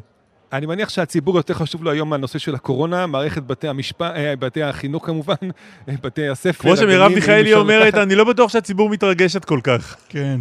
יכול להיות. תראה, בכל אופן, אה, אה, שוב, אה, זה... אה, הרי, הרי כולנו יודעים שכשישאלו את ראש הממשלה ואת שאר הנאשמים, האם אתה מודה בכתב האישום או לא מודה בכתב האישום, התשובה הרי ידועה. הרי כולם פה יכפ- יכפרו, יכפרו ב, אה, ב, באישומים, כולם, גם המענה בכתב כבר נמסר אה, לשופטים כך שהם יודעים הכל, הם רק קבעו את הדיון הזה אה, על פי בעצם הפרוצדורה. שיענו כולם שהם כופרים, ואז יקבעו את המועדים להמשך. אבל זה לא צפוי להיות כל כך קצר כמו במשפטים אחרים שהדיון הזה כל כך קצר, אה, מכיוון שיש אפשרות, אה, ובית המשפט נותן את האפשרות אה, לבאי הכוח של כל הנאשמים, להשלים את התשובה שלהם. להשלים את התשובה, ואני מניח שאם נותנים לעורכי דין את האפשרות הזו, הם גם ינצלו אותה. אז ככה שזה בעצם החלק הראשון. בחלק הזה, כל הנאשמים חייבים היו להיות, כמו שאמרנו, כולם כבר הגיעו לכאן. אה, אחר כך, אה, בעצם אה, הדיון הזה יעבור לדיון בשתי בקשות של אה, ראש הממשלה, אה, בעניין אישורי היועץ המשפטי לממשלה אה, לחקור אותו. אה, זה בקשה, זו בקשה אה, אחת. אה, גם אה, בקשה נוספת שקשורה בעצם לכתב האישום המתוקן והנספח הארוך עם כל הדוגמאות שהתביעה אה, רשמה שם, כל הפניות של ראש הממשלה ומי מטעמו, כן, רובם הם לא של ראש הממשלה ממש, אלא של מי שבא אה, מטעמו, בני המשפחה שלו, אולי אה, אה, יועצים שלו לוואלה כדי להתערב בסיקור שם, גם על זה יהיה הדיון, כך ת- שבעצם... תגידו, הוא הוא צריך- הוא צריך להישאר אה, ראש הממשלה, או שאר הנאשמים שם עד סוף האם ה... הוא צריך להישאר ראש הממשלה? שאלת את עמוד שפירא, הוא- מה הציבור יקבע? האם הוא צריך להישאר ראש הממשלה? איזה מין שאלה זו? אה, הוא צריך, אה, הוא צריך להישאר שם עד סוף הדיון, או... לא, לא, רק בחלק הראשון. החלק שבו בעצם... כופר אני והולך הביתה. לא, אבל יכול להיות שעורכי הדין ירצו להשלים את הטיעון שלהם, את התשובה שלהם. אז הם צריכים להישאר. להישאר עוד. לא, עד סוף הקטע הזה צריכים לא, להישאר. כך שזה יעבור לחלק השני, אז כולם יכולים ללכת, ואז אני מניח שהמתח גם פה, ככה מפלס המתח ילך ויפחת. צריך לומר, אנחנו שומעים כאן, גם בעולם שומעים, את הקולות שיש מבחוץ, הפגנות של כמה עשרות אה, אה, מפגינים ממתנגדי ראש הממשלה אה, בנימין נתניהו. בהתחלה זה היה ליד מעונו, אחר כך אה, הייתה קבוצה שנמצאת כאן. כמו שאמרתי, המשטרה מאוד ערוכה לעניין הזה. הפעם הם לא נמצאים פה על סף בית המשפט, אלא על סף בניין בבית המשפט, אלא ליד אה, משרד המשפטים, מי שמכיר, יש פה אה, אה, מחסומי לחץ, טוב. שלא יאפשרו לאף אחד להגיע. פרשים ראינו כאן שמחכים לכל אפשרות אה, כזו או אחרת, אולי גם אה, מכתזית מה שנקרא, ככה שכולם ערוכים. בשלב הזה, אה, לפי מה שאנחנו מבינים, לפי מה שאנחנו מקבלים מתוך עולם בית המשפט, המשפט, למרות שכבר עברו עשר דקות, עדיין לא התחיל. יפה. אה, אמוץ, תודה רבה לך. ונודה לקובי מור ולקובי בשק. בטח. בטח. מה ששלהם, שלהם. לא להם אז למי. ועולה השאלה, אה, שנדמה לי שמי שהעלה אותה היה יושב ראש הכנסת יריב לוין, אתמול, בכותרת הראשית, או באחת הכותרות הראשיות של ישראל היום, שהוא קרא לדחות את המשך קיום המשפט עד לאחרי הבחירות, ואנחנו נדון כרגע בשאלה האם יש לדחות את המשפט, או שמא אין לדחות את המשפט. העורך דין ססי גז, שלום, בוקר טוב. והעורך דין יהודה שפר, שלום. בוקר טוב. אה, נתחיל איתך, עורך דין גז, מה אתה חושב? לא יקרה כלום אם היום ידחו את המשפט, אני מבין שקבוע להוכחות, בדרך כלל משפט כל כך, מהשלב של ההקראה עד שלב ההוכחות עבר זמן מאוד קצר. זה נכון שכתב האישום הוגש לפני כשנה וחצי, אבל ההקראה הפורמלית היום, אני לא מכיר הרבה משפטים, שישנה הקראה פורמלית היום במשפט, ומתחיל ממש עוד זמן כל כך קצר. עכשיו אני אומר עוד משהו. תראו, לא צריך להתחיל משפט ברגל שמאל לתת לכל המתנגדים למשפט הזה, ויש הרבה כאלה בעם לצערנו, את פתחון הפה ולומר, הנה בית משפט התחיל את הכל לא טוב. מה יקרה למדינה הזאת אם המשפט יתחיל קצת אחרי הבחירות? מה יקרה? עכשיו, תראה, אני אומר לך עוד משהו. זה, זו, טכנית. זה, הרי, זה הטיעון? כלומר, לא, אבל אני אומר יש לך. איזושהי, יש לך סיבה משפטית לדחות את לא, לא, הדבר תראה. הזה? או, אז תקשיב. סיבה משפטית אין. אין סיבה משפטית. הנושא של בחירות לא אמור להשפיע על החלטת שופטים. שופט, מה שקובע לו זה חומר הראיות, יש או אין. ויהיו כאלה שיטענו להפך, עצם הדחייה זה כבר החלטה חצי פוליטית, לדחות בגלל בחירות, כי זה לא קשור לבית המשפט. אבל, אתה יודע, בכדורגל יש גם את חוק ההיגיון. יש את חוק ההיגיון, אנחנו חיכינו כל כך הרבה, לא יקרה כלום, נחכה עוד חודש, חודשיים לפתיחת משפט. תראה, אני אומר לך יותר מזה. לא, אבל אני, אני, שואל, אני שואל אותך, האם צריך כל הזמן להסתכל על לוח הזמנים הפוליטי לא, ולהתאים ממש את ה- לא. ובית המשפט צריך לא. להתאים את עצמו. לא, לא, ממש, כי ממש אחרי לא להתאים את זה. הבחירות, כי אחרי הבחירות יהיו מגעים להרכבת קואליציה. ויכול להיות... לא, ממש לא. ויכול להיות שאז לא יצליחו להרכיב קואליציה וילכו לעוד בחירות, ואז אתה תגיד, רגע, יש עוד בחירות, וזה לא, קמפיין. אומר- אנחנו כבר, אתה יודע, שנתיים. בסאגה הזו. אני אומר לך. תראה, קודם כל עורכי הדין היום יכולים לטעון טענות שהמשפט ההוכחות יידחה. כשאתה בא וטוען היום, למשל, שכל האישומים שהוא מואשם בהם, כל הזה, לא, הוא לא נחקר על כולם, בית משפט יכול לדחות כדי לכתוב החלטה יותר מנומקת או לא מנומקת, והדחייה יכולה להיות לא בגלל הבחירות, אלא בגלל שבמשפט, ופה זה. כבר דחייה משפ... משפטית נקרא לה. אה, יכולים עוד כל מיני טענות שידחו גם ככה את ההחלטה, ואז המשפט לא יכול להתחיל הוכחות מפני שתינתן ההחלטה. אבל אני אומר, תראו רבותיי, אה, אם אני הייתי הפרקליטות, הייתי גם מתחיל אולי עם עדים לא כאלה משמעותיים כמו ישוע ואלה שישפיעו על דעת הקהל לבחירות. תאר לעצמך שיהיה מי שיטען, ואני כבר אומר לך שיהיה מי שיטען, אם המשפט לא יידחה, ואז הוא יעיד עד הישוע שהוא יאמר דברים רעים על ראש הממשלה, כמו שאני מתאר לעצמי. והדבר הזה יכול להשפיע על הבחירות או לא בחירות. עכשיו תראה, בית המשפט העליון אמר את שלו, גם החוק מרשה לנו שיהיה לנו ראש ממשלה עם כתב אישום מכהן. טוב, רע, ויכוח אחר. אם יש כזה ומותר לו, אז למה שההליך לא יהיה הוגן יותר? אתה רוצה שבאמת התביעה תתחיל עם איזשהו, יגיד ספר לנו, ואז הוא יתחיל דברים שגם ישפיעו על הבחירות במודעות או לא במודעות, יעידו העדים, בגלל הבחירות ולא בגלל המשפט. אבל ססי, שוב חוזרת כאן השאלה ששאל אותך אסף, אתה רוצה שבית המשפט ישקול שיקולים כאלה? יכול להיות לא. שמה שאתה אומר זה נכון, אבל אלה לא, שיקולים שבית איפה המשפט זה- צריך לשקול אותם? אבל, אבל תראה, בית המשפט בתוך עמו יושב. ואנחנו רואים את השיקולים האלה. עכשיו, לא בהתחייה פה לעוד שנה, שנתיים, שאז... אתה לא יודע את זה. אתה לא יודע לא, את זה. לא, לא, גם אם... סליחה. הרי כל מתחיל- פעם לאורך הדרך, ססי, כל פעם לאורך הדרך נתניהו אמר, דווקא עכשיו, דווקא עכשיו אתם עושים, היו אלף, אלף נקודות כאלה, ודווקא עכשיו לא, קרו המון אני- דברים. אני פה, אוסיף- אנחנו במערכת בחירות רביעית תוך שנתיים, ססי, לך תדע אם תהיה פה חמישית, שישית ושביעית. אני אוסיף לך, אני יודע שכן יהיה חמישית שישית, ואני יודע שכולנו יודעים את זה. אבל תראה, אנחנו מדברים על מה? אנחנו מדברים על משפט שצריך שמע בעוד אה, שבועיים. אני לא יודע מה חברי, חברי בטח יאמר לך, לא, זה לא שיקול אז משפטי בוא נשמע את בכלל. חברך, בוא נשמע את רגע, אבל חברך. אני אגיד לך, אבל אני אגיד לך, חבל להתחיל עם דבר שיתקפו אותו כולם כולם. אנחנו באמת ובתמים... טוב. עכשיו אני אגיד לך את האמת, עוד דבר. אם הפרקליטות בוא, בוא, אני עוד חוזר אליך, ססי, אני עוד חוזר רגע, אליך. אם הפרקליטות רוצה לעשות חסד, יתחילו במשפט, אפשר להתחיל עם משפט, אוקיי. לא צריכים דווקא להתחיל עם העד המרכזי, אחד עורך דין יהודה מהעדים שפר, המרכזיים. שהיה בעבר המשנה לפרקליט המדינה, מה אתה אומר? בוקר טוב. טוב, אה, חברי ססי גז הוא כמובן ב-DNA סנגור, אני רואה את זה קצת אחרת ממנו. כ- מה אתה ב-DNA? תובע, תשמע, אה, אני רוצה להגיד לך ככה, לכם ככה. קודם כל במדינת ישראל לצערי תמיד יש בחירות, זאת אומרת אה, אנחנו במין טרללת של, של אה, כבר שנתיים שאני לא חושב שיש איזושהי ודאות שהיא עומדת להסתיים אה, בעוד כמה שבועות ויש בהחלט סיכוי שזה יימשך עם עוד ממשלות מעבר וכולי, אבל גם אם זה לא היה ככה. המשפט הזה הוא לא רק משפט של ראש ממשלה, הוא הפך להיות לצערי, אני אומר את זה ממש לצערי, הוא הפך להיות משפט גם נגד מערכת אכיפת החוק ונגד הפרקליטות. יש פה טענות על תפירת תיקים ועל על דברים שהם מופרכים מהיסוד בעיניי. עכשיו, לדעתי האינטרס הציבורי הוא כמה שיותר מהר להתחיל לשמוע את הראיות.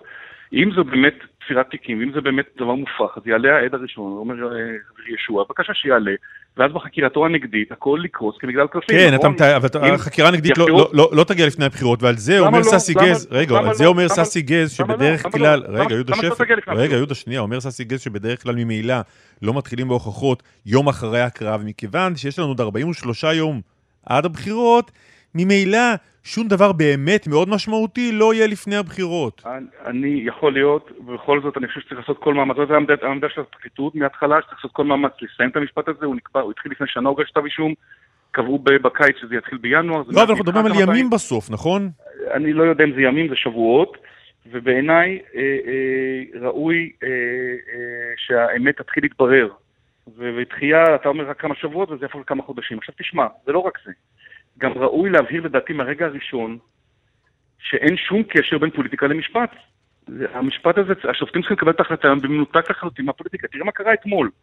ממש- שערורייתי בעיניי, דרך אגב. עד התביעה מספר 294, יושב ראש הכנסת יריב לוין, שהוא גם עד תביעה במשפט הזה, יש שם איזה כנראה גם איזו סתירה בין העדות שלו לעדות של, של נתניהו, עם טענות לא זוכר ולא זוכר, שבוודאי רוצה לדחות את המשפט משיקוליו האישיים גם. הוא דמות ממלכתית, מרשה לעצמו למעשה לפנות בבקשת דחייה של משפט לבית המשפט. מה יותר פוליטיזציה של המשפט מהדבר הזה?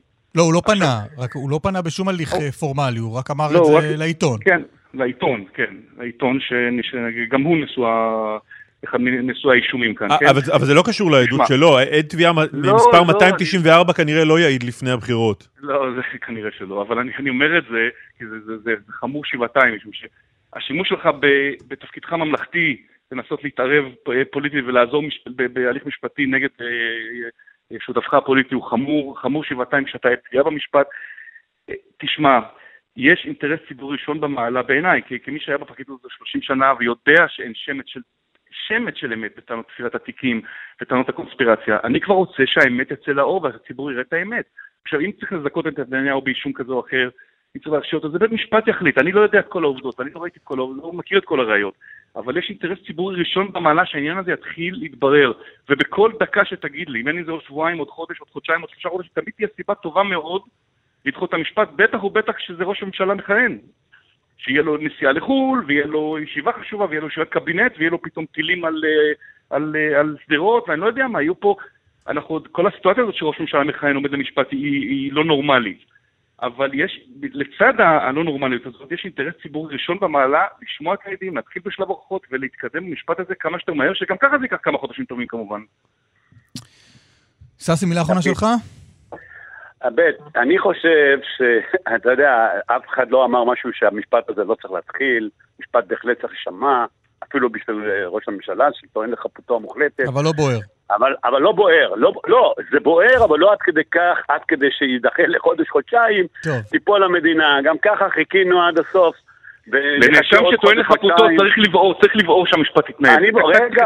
כן, גם כל, אבל אתה יודע, אתה אנחנו רגילים לשמוע מנאשמים על עינוי הדין הקשה, וכמה זמן לוקח להעמיד אותם למשפט ולקבל החלטה. הנה, פתאום החלטה- עכשיו לא בוער. על מה אנחנו, על מה אנחנו כולנו מדברים פה? על משפט שאם יידחה בחודש, חודשיים, על כל המד... באמת ייפול הכל, למה להתחיל ככה משפט? אני דרך אגב, חודשיים, באתי שנה, לשמיעת שנתיים, המשפט, למי בוער רגע. באמת? למי בוער באמת? זו לא, השאלה, רגע, דקה וחצי, רבותיי, אבל באמת צריך לשים פה שכל ישר. הרי אם, בוא, בוא נשמע רגע אחד, העד מתחיל, תשמע. הוא מתחיל להעיד, הרי ברור שחקירתו לא תיגמר לפני הבחירות, וגם אם תיגמר, הוא יעיד. טוב. ואז יום אחד יקומו כל המאשימים, ואם הוא יפסיד את הבחירות, יבואו ויגידו, התערבתם, בית המשפט התערב, כן. איך שמעו את העד. מדינה, הוא יתחיל לתת לו ציונים, יתחיל להגיד לו ככה, יספר. על אשתו, יספר על...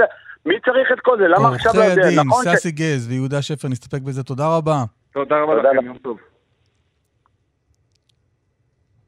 פוליטיקה עכשיו. יאללה.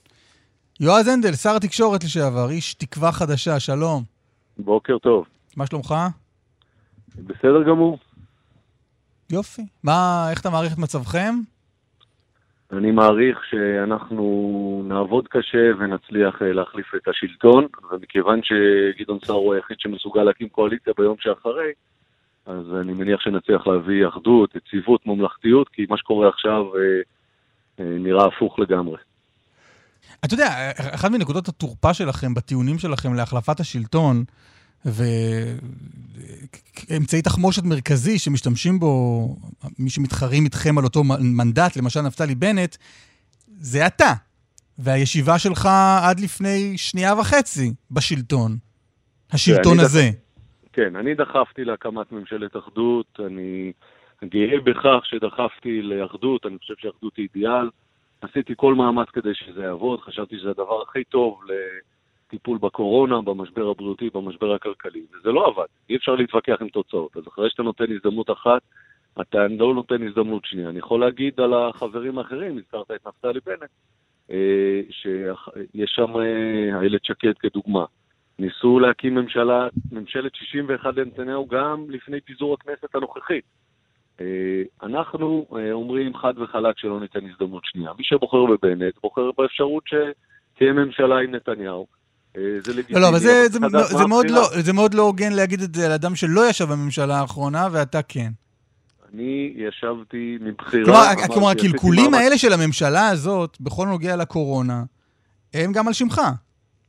אני לוקח אחריות על כל דבר, יש לי אחריות, אה, הייתה לי אחריות מיניסטריאלית שישבתי בממשלה. אה, אפשר גם להגיד... אז אולי מי שרוצה אלטרנטיבה לא כדאי לו לבחור בך.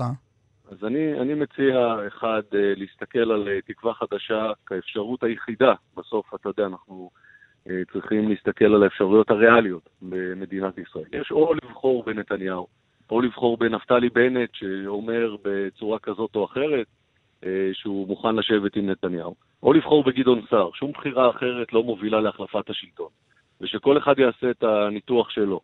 אה, אני אומר גם יותר מזה, אני אומר לך שבשבעה חודשים שהממשלה הזאת קיימת, איילת שקד עשתה מאמץ גדול כדי להקים ממשלה לנתניהו. זה לא שלא היה פה עכשיו לא יהיו אפשרויות אחרות. אוקיי, אתה אומר, זה, זה דברים שהבוחר צריך לקחת בחשבון. הוא צריך לקחת בחשבון, אבל עוד... רגע, יועז הנדל, הבוחר כן. צריך לקחת בחשבון עוד דבר אחד. אתם מגדירים את עצמכם מפלגת ימין או מפלגת ימין מרכז, אבל די ברור שהצבעה לכם משמעותה שלא תהיה ממשלת ימין.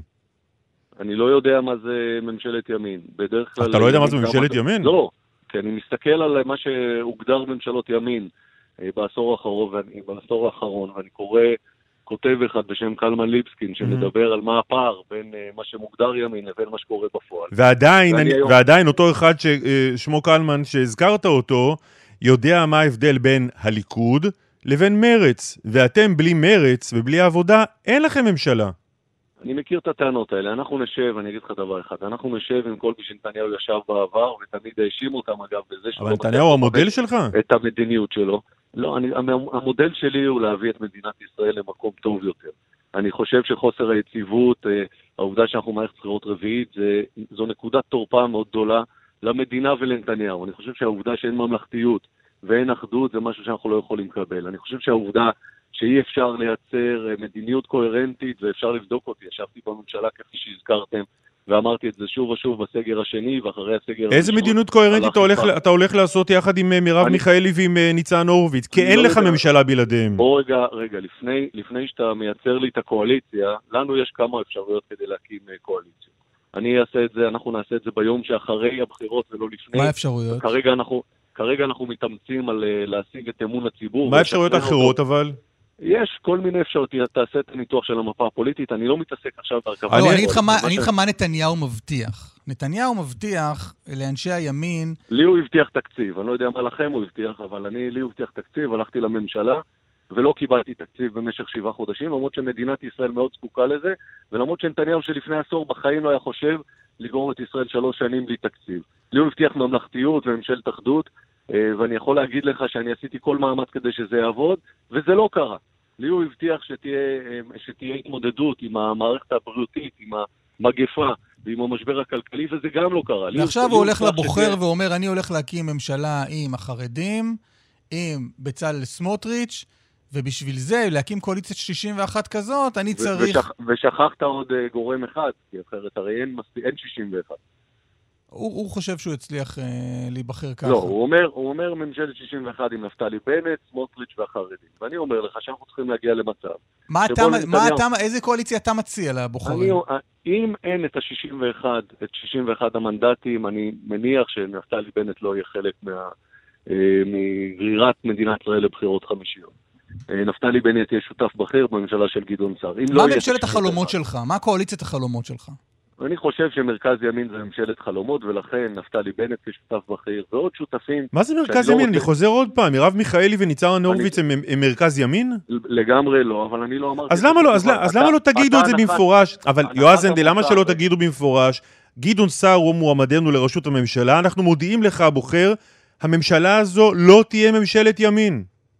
כי אני לא מנהל עכשיו שום משא ומתן קואליציוני, יכול להיות שזאת תהיה ממשלת ימין עם גורמים אחרים שנתניהו עצמו ישב איתם אה, בממשלה. עכשיו, אם אתה טוען שכל הממשלות של נתניהו בעשור האחרון לא... לא טוען כלום, אני שואל אותך, עזוב, אני לא טוען, אתה מדבר איתי כאילו אני דובר של נתניהו, אני- שואל אותך על לא- המפלגה שלך, עזוב את נתניהו. אה, אתה עונה לי כל הזמן, גם נתניהו. ישב איתם, נתניהו הוא המודל שלך פתאום? קלמן, אני לא בא להקים ממשלת ימין, אני בא להקים ממשלה שתחזיר למדינת ישראל אחדות, יציבות, ממלכתיות. אני חושב שממשלה שבה גדעון סער הוא ראש ממשלה, עם הניסיון שלו ועם הרקורד המוכח, אני חושב שזו ממשלה טובה נתניהו לא ישב אף פעם עם. מרץ, לדוגמה. אני לא יודע אם הוא ישב, ואני גם חושב לא ישב עם מרץ. אבל אני לא אמרתי לך שאני יושב עם מרץ. אז אני, בשביל זה ביקשתי ממך במשך החמש. דקות האחרונות לנסות לצייר איזושהי קואליציה שהיא בלי. מרץ. בבקשה, לא, אני חושב שיש קואליציות בלי מרץ, אם תעשה את המספרים. אבל אני אגיד לך יותר מזה, מרץ עד היום, לפחות מאז שאני זוכר, כולל בימי ממשלת קדימה, בחרה לא לשבת בממשלה בגלל קווי היסוד. אם מחר בבוקר מרץ תתעורר ותגיד שנוח לה עם קווי היסוד של גדעון סער, אני לא אפסול אה, אף מפלגה, למעט את המפלגות שלא מקבלות את מדינת ישראל כמדינה יהודית ודמוקרטית, ההסדר המכונן. אני לא, לא הולך עכשיו להגיד לך איזה מפלגות אני פוסל, אני הולך להגיד לך שאנחנו חייבים להחליף את השלטון הנוכחי, כי נתניהו עסוק בענייניו האישיים על פני עניינים אחרים. דווקא ביום הזה אפשר להבין את זה תגיד, אה, ביתר קלות. דוקטור הנדל, ואני אני זה שעשיתי, כמו שהזכרתם, אני זה שנתתי את ההזדמנות. עשיתי כל מה שאפשר כדי שתקום ממשלת אחדות. אני מאמין באחדות. אני- אני- אני לא קצת, אה, אני לא מאמין בממשלת ימין, קלמן. אני- אני- אני קצת- אני קצת פספסתי כמה. ראיונות איתך. אה, אני יודע, עסקת בלהטביל את עקיבא נוביק באיזה בריכת דגים ראיתי. גם נכון, גם נכון. אז קצת פספסתי, וברגע שעקיבא ואני הרמנו את הראש מהמים, פעם אחרונה שאני חושב שדיברנו, עוד, עוד, עוד אה, הרצת את אה, בני גנץ לראשות הממשלה. שלוש מערכות לא, בחירות, דיברנו בדרך ארץ, אני חושב, אה, לפני זה. שלוש מערכות בחירות הרצת. את בני גנץ להיות ראש הממשלה, ואני מודה שאיפשהו פספסתי את הנקודה שבה אמרת לציבור הישראלי, חברים, בני גנץ לא טוב, הולכים לגדעון סער. מתי הייתה הנקודה הזו? אני דווקא זוכר את הרעיון איתך היטב, ואפילו כמה רעיונות כשר תקשורת, ששאלת אותי בנושא דרך ארץ, ואמרתי לך שאם נתניהו ילך לבחירות, תהיה לו חלופה מימין. אני זוכר שאפילו לקחת את זה ככותרת. אז אם תלך לארכיון, אתה תמצא את הרעיונות האלה, כמה רעיונות אפילו, שאמרתי את הדברים האלה. חשבתי אז, ואני חושב גם היום, שנתניהו עשה טעות גדולה, שהוא בחר לא לרדת מבמת ההיסטוריה אחר כבוד, שהוא מקיים את מה שהוא התחייב עליו וחתם עליו. לא, אני רק שואל, חשבתי- מתי החלטת שבני גנץ כבר לא מתאים להיות ראש ממשלה? אני לא אמרתי שהוא... אה, אני חשבתי שבני גנץ יכול להיות ראש ממשלה, זה לא עבד. עכשיו, זה לא עבד, אה, אני לא מאשים את בני גנץ, אני מאשים את נתניהו. היה פה הסכם בין נתניהו לבני גנץ, ונתניהו החליט להפר אותו. ומרגע שזה קרה, מכיוון שלא הייתה אפשרות כזאת, אז עברנו הלאה, ואתה ראיינת אותי כמה פעמים. עברנו הלאה, כלומר, אתה לא אומר בני גנץ הוא לא האיש הכי מתאים להיות ראש ממשלה, אתה אומר פשוט אין לו סיכוי אלקטורלי. הוא, הוא לא מתאים, כי הוא לא יכול. הוא לא יכול להיות ראש ממשלה היום. זה כזה, אני חושב שזה ברור לכל מי שמסתכל.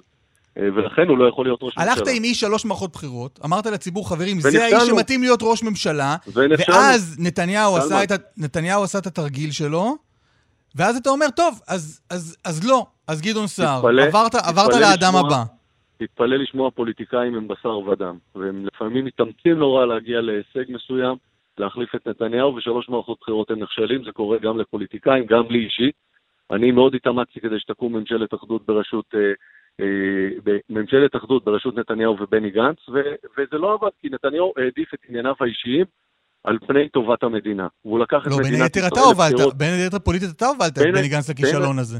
בין היתר, אני בחרתי ללכת לממשלת אחדות. חשבתי, ואני חושב גם היום, שהחלופה האחרת של כלומר, אתה ממשלת מבין מה קרה פה? בל"ד- אתה הפלת, אתה הפלת את בני גנץ היום למחוזות הלא ריאליים להיבחר לכנסת, ופשוט עברת הלאה לגדעון סער.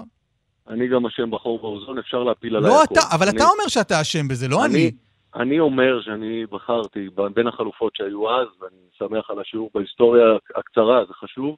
בין החלופות שהיו אז, אני מזכיר, היה ללכת לממשלת מיעוט עם בל"ד, שחשבתי שהיא תיפול אחרי שבוע, ואני גם היום אומר לך שאני לא אקים ממשלה כזאת עם הרשימה המשותפת, אני חושב שזה לא נכון למדינת ישראל, לבין ללכת לבחירות.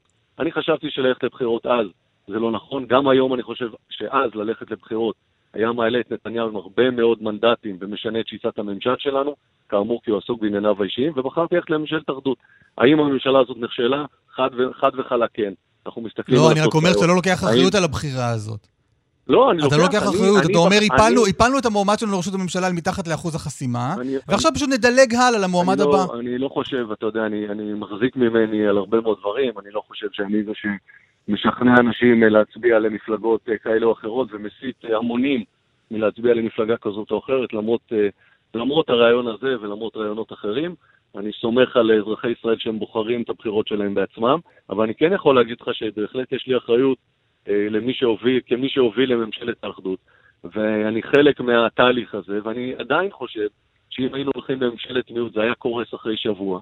זה לא היה טוב למדינת ישראל בחירות אז. זה גם, אגב, הבחירה של נתניהו רעה למדינת ישראל, ולכן אנחנו נמצאים במצב הזה. אני בהחלט חושב שהעובדה שאנחנו בקריסה מוחלטת של עסקים, שאין אחדות בעם, שאין יציבות, שאין ממלכתיות, שהעובדה שאנחנו בכמות נדבקים ומתים מטורפת, שיא של, אה, באמת של אה, כל הזמנים בתולדות מדינת ישראל. העובדה שאין תשובה קוהרנטית מהממשלה. העובדה שלא מצליחים לאכוף בצורה שוויונית בכל מקום. חוסר המשילות. תגיד, אה, אה, אה, דיברת. על הפסילה של המשותפת בזמנו. דיברת על הפסילה של המשותפת בזמנו, מה אתה חושב על המפלגה החדשה של מנסור עבאס? אני חושב שזה די מעניין שלנתניהו אין קואליציה אם הוא לא משתף פעולה עם מנסור עבאס. לא, לא, לא שאלתי על נתניהו, שאלתי עליך, מה אתה חושב? אני דווקא היחיד שהוכיח את עצמו. לא. עזוב, אבל יועז, אני אני- שאלה נורא פשוטה. מה אתה חושב על המפלגה החדשה של מנסור עבאס, האם הוא שותף לגיטימי או לא? אני חושב שמי שלא מקבל את ההסדר המכונן של מדינת ישראל כמדינה יהודית ודמוקרטית לא יכול להיות שותף שלי, חד וחלק. אני אומר את זה חד וחלק. ומנסור עבאס הוא כזה? כולל, כן, כולל אה, חברי הרשימה המשותפת, על גווניהם השונים, בסדר? אתה יודע, אתמול, אה, או שלשום, אה, הגיב עופר כסיף על החקירה בהאג. כשאני אומר לך, זה עופר הוא לא בל"ד, הוא חדש, בסדר? הוא זה שמקובל כשותף על חלקים בשמאל הישראלי. כשהוא בוחר באינטרס של, אה, אה, של האג ושל הפלסטינים, או נותן האינטרס הישראלי, הוא לא יכול להיות שותף פוליטי שלי. זו תפיסתי. משימת שילוב ערביי ישראל היא משימה לאומית, ואני רואה, רואה אותה מול עיניי, ועשיתי את זה כשר תקשורת, אני חושב שתשתיות תקשורת למגזר הערבי... ומפלגת העבודה שחברה. שחברה בה חושבת שמלחמת השחרור הייתה אונס אלים שביצעה ישראל בערבים, היא פרטנרית? קלמן, אני מוכן לעבור איתך מפלגה-מפלגה ולהגיד לך מה לא מוצא חן בעיניי. במפלגת העבודה... לא, פסלת את עופר כסיף על זה, לא, אז אני שואל. אני, אני אומר לך שמאוד, אני חושב שזה מאוד עצוב שמפלגת העבודה, מפלגה ציונית שהקימה את המדינה, יש בה חברים אה, שמדברים ככה. אני מניח שהחברה הזאת לא תיכנס לכנסת, כמו שאני מבין. אה, אבל אני באמת, אתה יודע, יש כל מפלגה שבה אני, יש לי מישהו שיש לי איתו בעיות אידיאולוגיות, אגב. אין לי שום בעיה אישית עם אף אחד. אה, ובעיניי... לא, אתה פסלת פשוט, פסלת את המשותפת, אז אני שואל אותך איפה נגמרת הפסילה. לא פסל, עוד פעם, אני לא פוסל, אני אומר מי יכול להיות שותף פוליטי שלי לכן אני לא. שואל. הרשימה המשותפת לא יכולה להיות אה, שותפה פוליטית שלי כל עוד היא לא מקבלת את ההסדר המכונן של מדינת ישראל כמדינה יהודית ודמוקרטית. וצר לי שנתניהו הפך את מנסור עבאס לשותף פוליטי לגיטימי שלו, ואני שומע את חברי הליכוד מגמגמים לגבי הנושא הזה. אני לא יודע מה מספר אה, 30 או מספר 20 במפלגת העבודה אמרו, אני יכול להגיד לך שמפלגת שבע, העבודה זו שבע, מפלגה... מספר שבע. שבע. אני יכול להגיד לך שמפלגת העבודה זו מפלגה מכובדת, שהקימה את מדינת ישראל, ואני מאוד מקווה שהקו הציוני, אה, הלאומי, אה, זה שעשה פה כל כך הרבה למען המדינה, עם קליטת עלייה והתיישבות, אה, ועוד אלף דברים שעזרו פה, שהקימו מדינה בעצם, אני מקווה שהקו הזה יחזור וישלוט במפלגת העבודה. היא חשובה מדי מכדי שנבטל אותה ב- במחי אדם כזה או אחר. אה, ובכלל, אני, אני חושב שכשמסתכלים ימינה ושמאלה, ואתה שאלת על אה, ממשלת ימין, הדבר החשוב עכשיו הוא לייצר פה בתוך הציבור הישראלי אוקיי. יכולת מאוחדת, לא אחידות, אלא אה, אחדות סביב המאבק בקורונה, יועז הנדל, אנחנו אה, נסיים. כאן. תקווה חדשה. אני רק אומר, בעיניי גדעון הוא סער, המועמד הראוי. בסוף כשמסתכלים, לא המועמד הראוי, המועמד היחיד. היחיד אין הראוי. עוד, אין עוד מועמד פוליטי אוקיי. שמסוגל להקים קואליציה. אין עוד מלבדו. אה, יועז הנדל, תודה רבה. תודה לכם, יום טוב. יום טוב. חוזרים לעמוד שפירא בבית המשפט המחוזי בירושלים. אה, החלק של נתניהו באירוע תם. כן, החלק אה, הראשון אה, תם, נתניהו גם אה, יוצא עכשיו מבית המשפט המחוזי כאן בירושלים, אחרי שבמשך כ-20 דקות הוא בחר, כמו שאר הנאשמים, להישאר, למרות שכבר הוא לא היה מחויב, כמו שאמרנו, שני חלקים לדיון הזה, חלק אחד שהוא מאוד קצר, החלק שבו השופטת פרידמן פלדמן שואלת האם מאשרים את, ה, אה, את, את המענה לכתב אישום שנמסר לבית המשפט, אז גם כמובן ראש הממשלה היה הראשון שנשאל ואמר ראש הממשלה, וזה אולי הנוסח המדויק, אומרת השופטת, מר נתניהו, בוקר טוב, אני מניחה שראית את כתב האישום, ונתניהו משיב לה, אני מאשר את התשובה שהוגשה בשמי, המשמעות בעצם שנתניהו כצפוי כופר בכל האישומים. זה כל מה שהוא אמר? נגדו, ועכשיו, אחרי שהוא ישב ונשאר, ולמרות שלא היה צריך להישאר, הוא גם אמר תודה רבה, ועזב את האולם. גם תודה רבה. גם תודה רבה, ונתניהו חוזר לענייניו. לא, אבל הייתה איזו הערכה שאולי הוא יוסיף כמה מילים, השופטים ישאלו אותו אם הוא רוצה עוד להוסיף משהו, והוא יגיד מה, כלום? לא, כלום, אתה יודע, המלאכה והמלאכה של עורכי דינו אה, נעשית היטב גם ברגעים האלה, גם בשבועות האחרונים, בכלל אה, עבודה מאומצת מאוד של אה, פרקליטיו של נתניהו, מלא בקשות הייתי אומר, וטענות לבית המשפט, ועכשיו למעשה זה מתמקד, אנחנו רואים את זה ממש, זה מתמקד בנושא של אישורי היועץ המשפטי לממשלה לחקירות של נתניהו. זה מתמקד בחוק יסוד בממשלה שצריך הסכמה של יועץ משפטי כדי לאשר חקירה, והם טוענים שאין, אין אישורים כאלה, במיוחד לא בתיק אלף, גם לא בתיקים אחרים, אין דבר כזה, אה, וכאן אולי הערה, בכל אופן שאני אומר, כתוב הסכמה, הסכמה לא תמיד צריכה להיות גם כתובה לכאורה, אפשר, אפשר לפרש את זה גם אחרת, מה זה הסכמה? אבל הם אומרים, הסכמה צריכה להיות אישור בכתב של יועץ משפטי לחקירות של נתניהו, וזה לא נעשה, ובכך בעצם מתמקד הדיון עכשיו. כמו שאמרתי, ואולי אתם גם שומעים ברקע, את הסירנות. האחרונות. השיירה כנראה של נתניהו כבר בעצם עוזבת כאן את המקום. אפשר גם לשמוע ברקע כמובן, ואני מניח שהוא שמע את זה גם באולם וגם מחוץ לאולם וגם דרך הרכב. הוא שמע את בחוץ. כל ההפגנות אוקיי. שיש כאן בחוץ. עמוד שפירא כתבנו, תודה רבה. בבקשה. המשך אה, שידורים אה, נעימים משם מבית המשפט. אה, צוות ה... הצוות הבינתחומי לילדים וקורונה של הדסה והאוניברסיטה העברית מפרסם מכתב, הוא מפנה אותו למקבלי ההחלטות, לראש הממשלה, שר החינוך, שר הבריאות, בכל הנוגע להשארת הילדים, התלמידים, בבית. אה, שאלנו את זה גם את פרופסור גרוטו, הוא אמר, אני מכה על חטא, לא עשינו מספיק במהלך השנה האחרונה כדי למצוא פתרונות. ואיתנו אה, אחת החתומות על המכתב הזה, הפרופסור רונית מרגלית קלדרון, שלום. קלדרון מרגלית, בוקר טוב. בוקר קלדרון טוב. מרגלית. מבית הספר לבריאות הציבור, אה, האוניברסיטה העברית. והדסה, מה, מה עיקר הטענות שלכם? עיקר הטענה היא שבסופו של דבר יש לנו כאן אוכלוסייה אה, שמשלמת מחיר מאוד כבד על זה שהיא בעצם לא חולה במחלה, אה, אין לה לובי, אין לה קול ואין אף אחד שדואג לאסטרטגיה שתבטיח את הלמידה שלהם, כשזה בעצם צו השעה וזה צורך אה, חיוני, לאומי, של המדינה שלנו, שלילדים האלה יהיו מסגרות. לא רק בגלל הצרכים הפדגוגיים עצמם, שיש להם חשיבות והקטנת פערים, אלא גם מבחינת ההשלכות ארוכות הטווח על הילדים האלה, על, על בריאותם, על שלומם, על בריאותם הנפשית, אה, על שמירה על מיומנויות בסיסיות שילדים צריכים לרכוש בשנה הזאת, בשנים האלה. אנחנו מאבדים דור ו... ו- וזהו, וכמדינה לא נעשה מספיק בשביל להבטיח את זה, לייצר איזושהי תוכנית אסטרטגית. אז בהתחלה היה הסגר הראשון ו- והיה צו חירום ו- וזהו, ו- ואחר כך כאילו אנחנו לא, לא בונים שום תוכנית. אבל נשארנו, אה, פרופסור, נשארנו באיזה מצב חירום כזה, לא? המצב לא טוב, אנשים מתים פה בהמוניהם. המצב, המצב בהחלט בהחלט לא טוב. אבל בוא נחשוב מי משלם את המחיר, מי, מי האוכלוסייה היחידה שמשלמת מחיר. לא יודע אם יחידה, יש הרבה מאוד אוכלוסיות שמשלמות. בעלי עסקים שהעסקים שלהם סגורים משלמים את המחיר, הילדים שלא הולכים לבית ספר משלמים מחיר, המתים משלמים מחיר.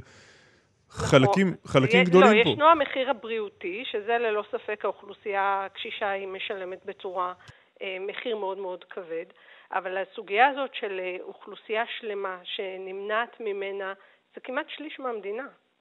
נמנע ממנה, נמנעת ממנה האפשרות ללכת למסגרות, שזה דבר חיוני להתפתחותם, שההשלכות של זה לאורך שנים הן מאוד מאוד כבדות, ויש דרכים ויש אפשרויות אה, לפחות להתכנס ולחשוב מה המשאבים שנחוצים לנו על מנת להבטיח את זה שגם אם המגפה הזאת תימשך עוד הרבה זמן, וכרגע לא נראה שהיא נעלמת, אנחנו יכולים לאפשר להם איזושהי שגרת חיים שתאפשר להם אה, רווחה בריאותית ונפשית. כן, זה, זה, זה, זה, זה טיעון שגם אה, פרופסור גרוטו הסכים עליו. צריך לשבת, לחשוב על פתרונות, אבל בהיעדר פתרונות כאלה, אתם רוצים לחזור ללימודים פשוט? גם בלי אנחנו, פתרונות? אנחנו בעד זה שימצאו פתרונות. אני חושבת שלא נעשו מספיק מאמצים ולא נעשים מספיק מאמצים. כן, אבל המאמצים האלה, גם אם, אה, גם אם נתחיל בהם הרגע, הם, הם לא ייגמרו עד, עד מחר בבוקר. ואני תוהה אם בהיעדר פתרונות, או עד שייקח את, את הזמן אה, לגבש פתרונות כאלה, מה, מה אתם רוצים שיקרה? אנחנו קודם כל רוצים לראות תהליך. אני באמת בכנות אומרת. אם אנחנו, הסוגיה הזאת, אם מחר ייפתחו הגנים, או בעוד יומיים ייפתחו הגנים, או בעוד שבוע ייפתחו הגנים, היא סוגיה שהיא היא, היא באמת אה, עוסקת בבהול ובדחוף. אבל מאחר שמדובר על משהו, על תהליך שאנחנו רואים שהוא לא נוטש אותנו, על מגפה שלא עוזבת אותנו, בואו נתחיל כבר את התהליך הזה שיבטיח להם איזושהי שגרה. ואני, ואני מדברת לא רק על הילדים הצעירים, בוודאי על בני נוער, אם תחשבו על אה, תלמידי חטיבות, בפועל הם היו בבית הספר 16 ימים מספטמבר. זה לא סביר בכלל.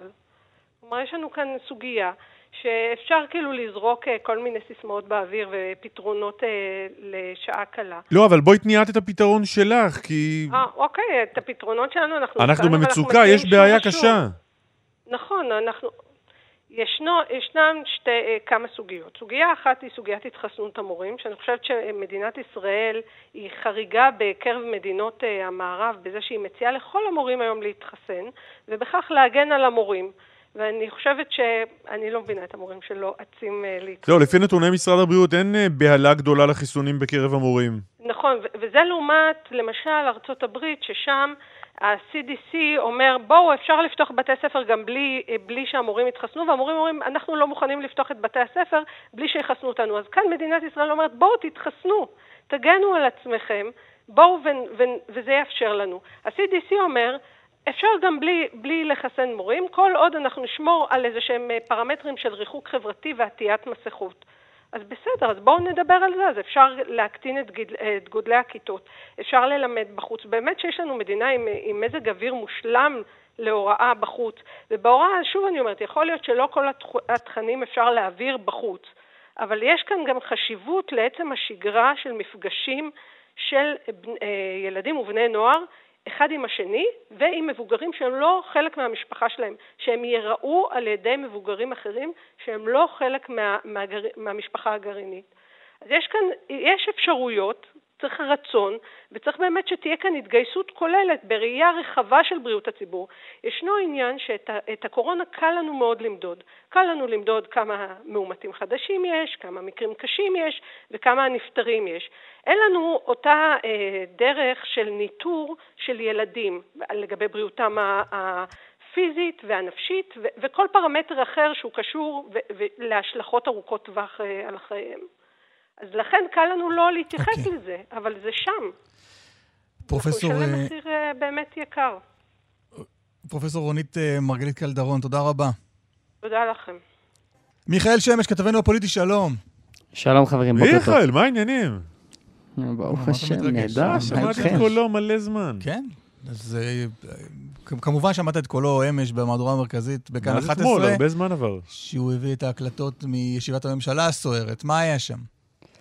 אז אה, כן, אז אתמול אה, דיווחנו על הישיבה אולי הדרמטית ביותר שהייתה בממשלה הזאת. אחד מלא ספק רגעי השפל של ממשלת נתניהו-גנץ. ישיבה שהייתה נראית ונשמעת כמו הצגה פוליטית מתמשכת, אה, ושבה בעצם נתניהו וגנץ לא הפסיקו להתעמת ושכחו שבעצם הם צריכים לדון בהארכת הסגר. הישיבה הזאת בסופו של יום התפוצצה בקול רעש גדול, אחרי עימות אה, חריף של נתניהו, גנץ והיועץ המשפטי לממשלה. בואו נשמע קטע ואז uh, נרחיב בנושא הזה. עם ראש הממשלה. אתה, שר הבריאות ואני היינו על אותה שיחה, יש עוד אנשים שהיו על השיחה הזאת, סוכם שתהיה ישיבת ממשלה ביום רביעי בבוקר ונדון איך ממשיכים. זה היה הסיכום, הוא לא קרה, גם הוא לא קרה. כן, זה, זה, זה, זה בני גנץ שהוא uh, צועק על נתניהו בעצם אחרי שראש הממשלה ניסה uh, להאשים אותו בעצם בכך שהדיון uh, מתעכב, ובעצם uh, גנץ בנאום ארוך, שמענו קטע קטן ממנו, אבל uh, בנאום ארוך שם uh, תוקף בחריפות את ראש הממשלה ומתאר את אותה שיחה ואת את כל הסיכומים שהיו לאורך uh, כל uh, הימים שקדמו לישיבה הזאת, איך שבעצם נתניהו מסמס ודחה את הישיבה כדי להגיע לרגע האחרון ובסופו של דבר אה, לא להוביל אה, להחלטות כפי שהיו צריכות אה, להתקבל מלכתחילה. אני חושב אבל שהתיעוד הזה מהישיבה אתמול הוא מאיר בעיקר על מה שקורה בממשלה, בפורום הזה שמקבל את כל ההחלטות על החיים של כולנו בשנה האחרונה. כך נראית קבלת ההחלטות, כך יושבים השרים, כך הם מחליטים על סגר, כך הם מחליטים על פתיחת מערכת החינוך. בעיניי זה נהדר. שמעתי על... אנרגיה, שמעתי אנשים תיכף... באים עם, עם, עם, מהלב. לא, אני, אני, רוצה אני, לראות אני אותם. שמעתי את בני גנץ, אמרתי לי, איפה היית? נשמה. איפה היית כל הארבע שנים האלה? סוף סוף קצת כן, אנרגיה אבל... ואמוציות. אבל, אבל מה שעצוב בדבר שנה ורבע, זה מרגיש לך כמו ארבע שנים. אין, דיון ענייני אה, נכון, נכון, נכון, בני גנץ פה מעט מאוד זמן. וכך זה נשמע, ונקווה שאתם יודעים. נקווה לטוב. מיכאל שמש, תודה רבה לך. בשורות טובות, ביי. ותודה גם לאיתמר דרוקמן שערך, אלי גנה ונדב רוזנצוויג הפיקו, אמיר שמואלי היה טכנאי השידור.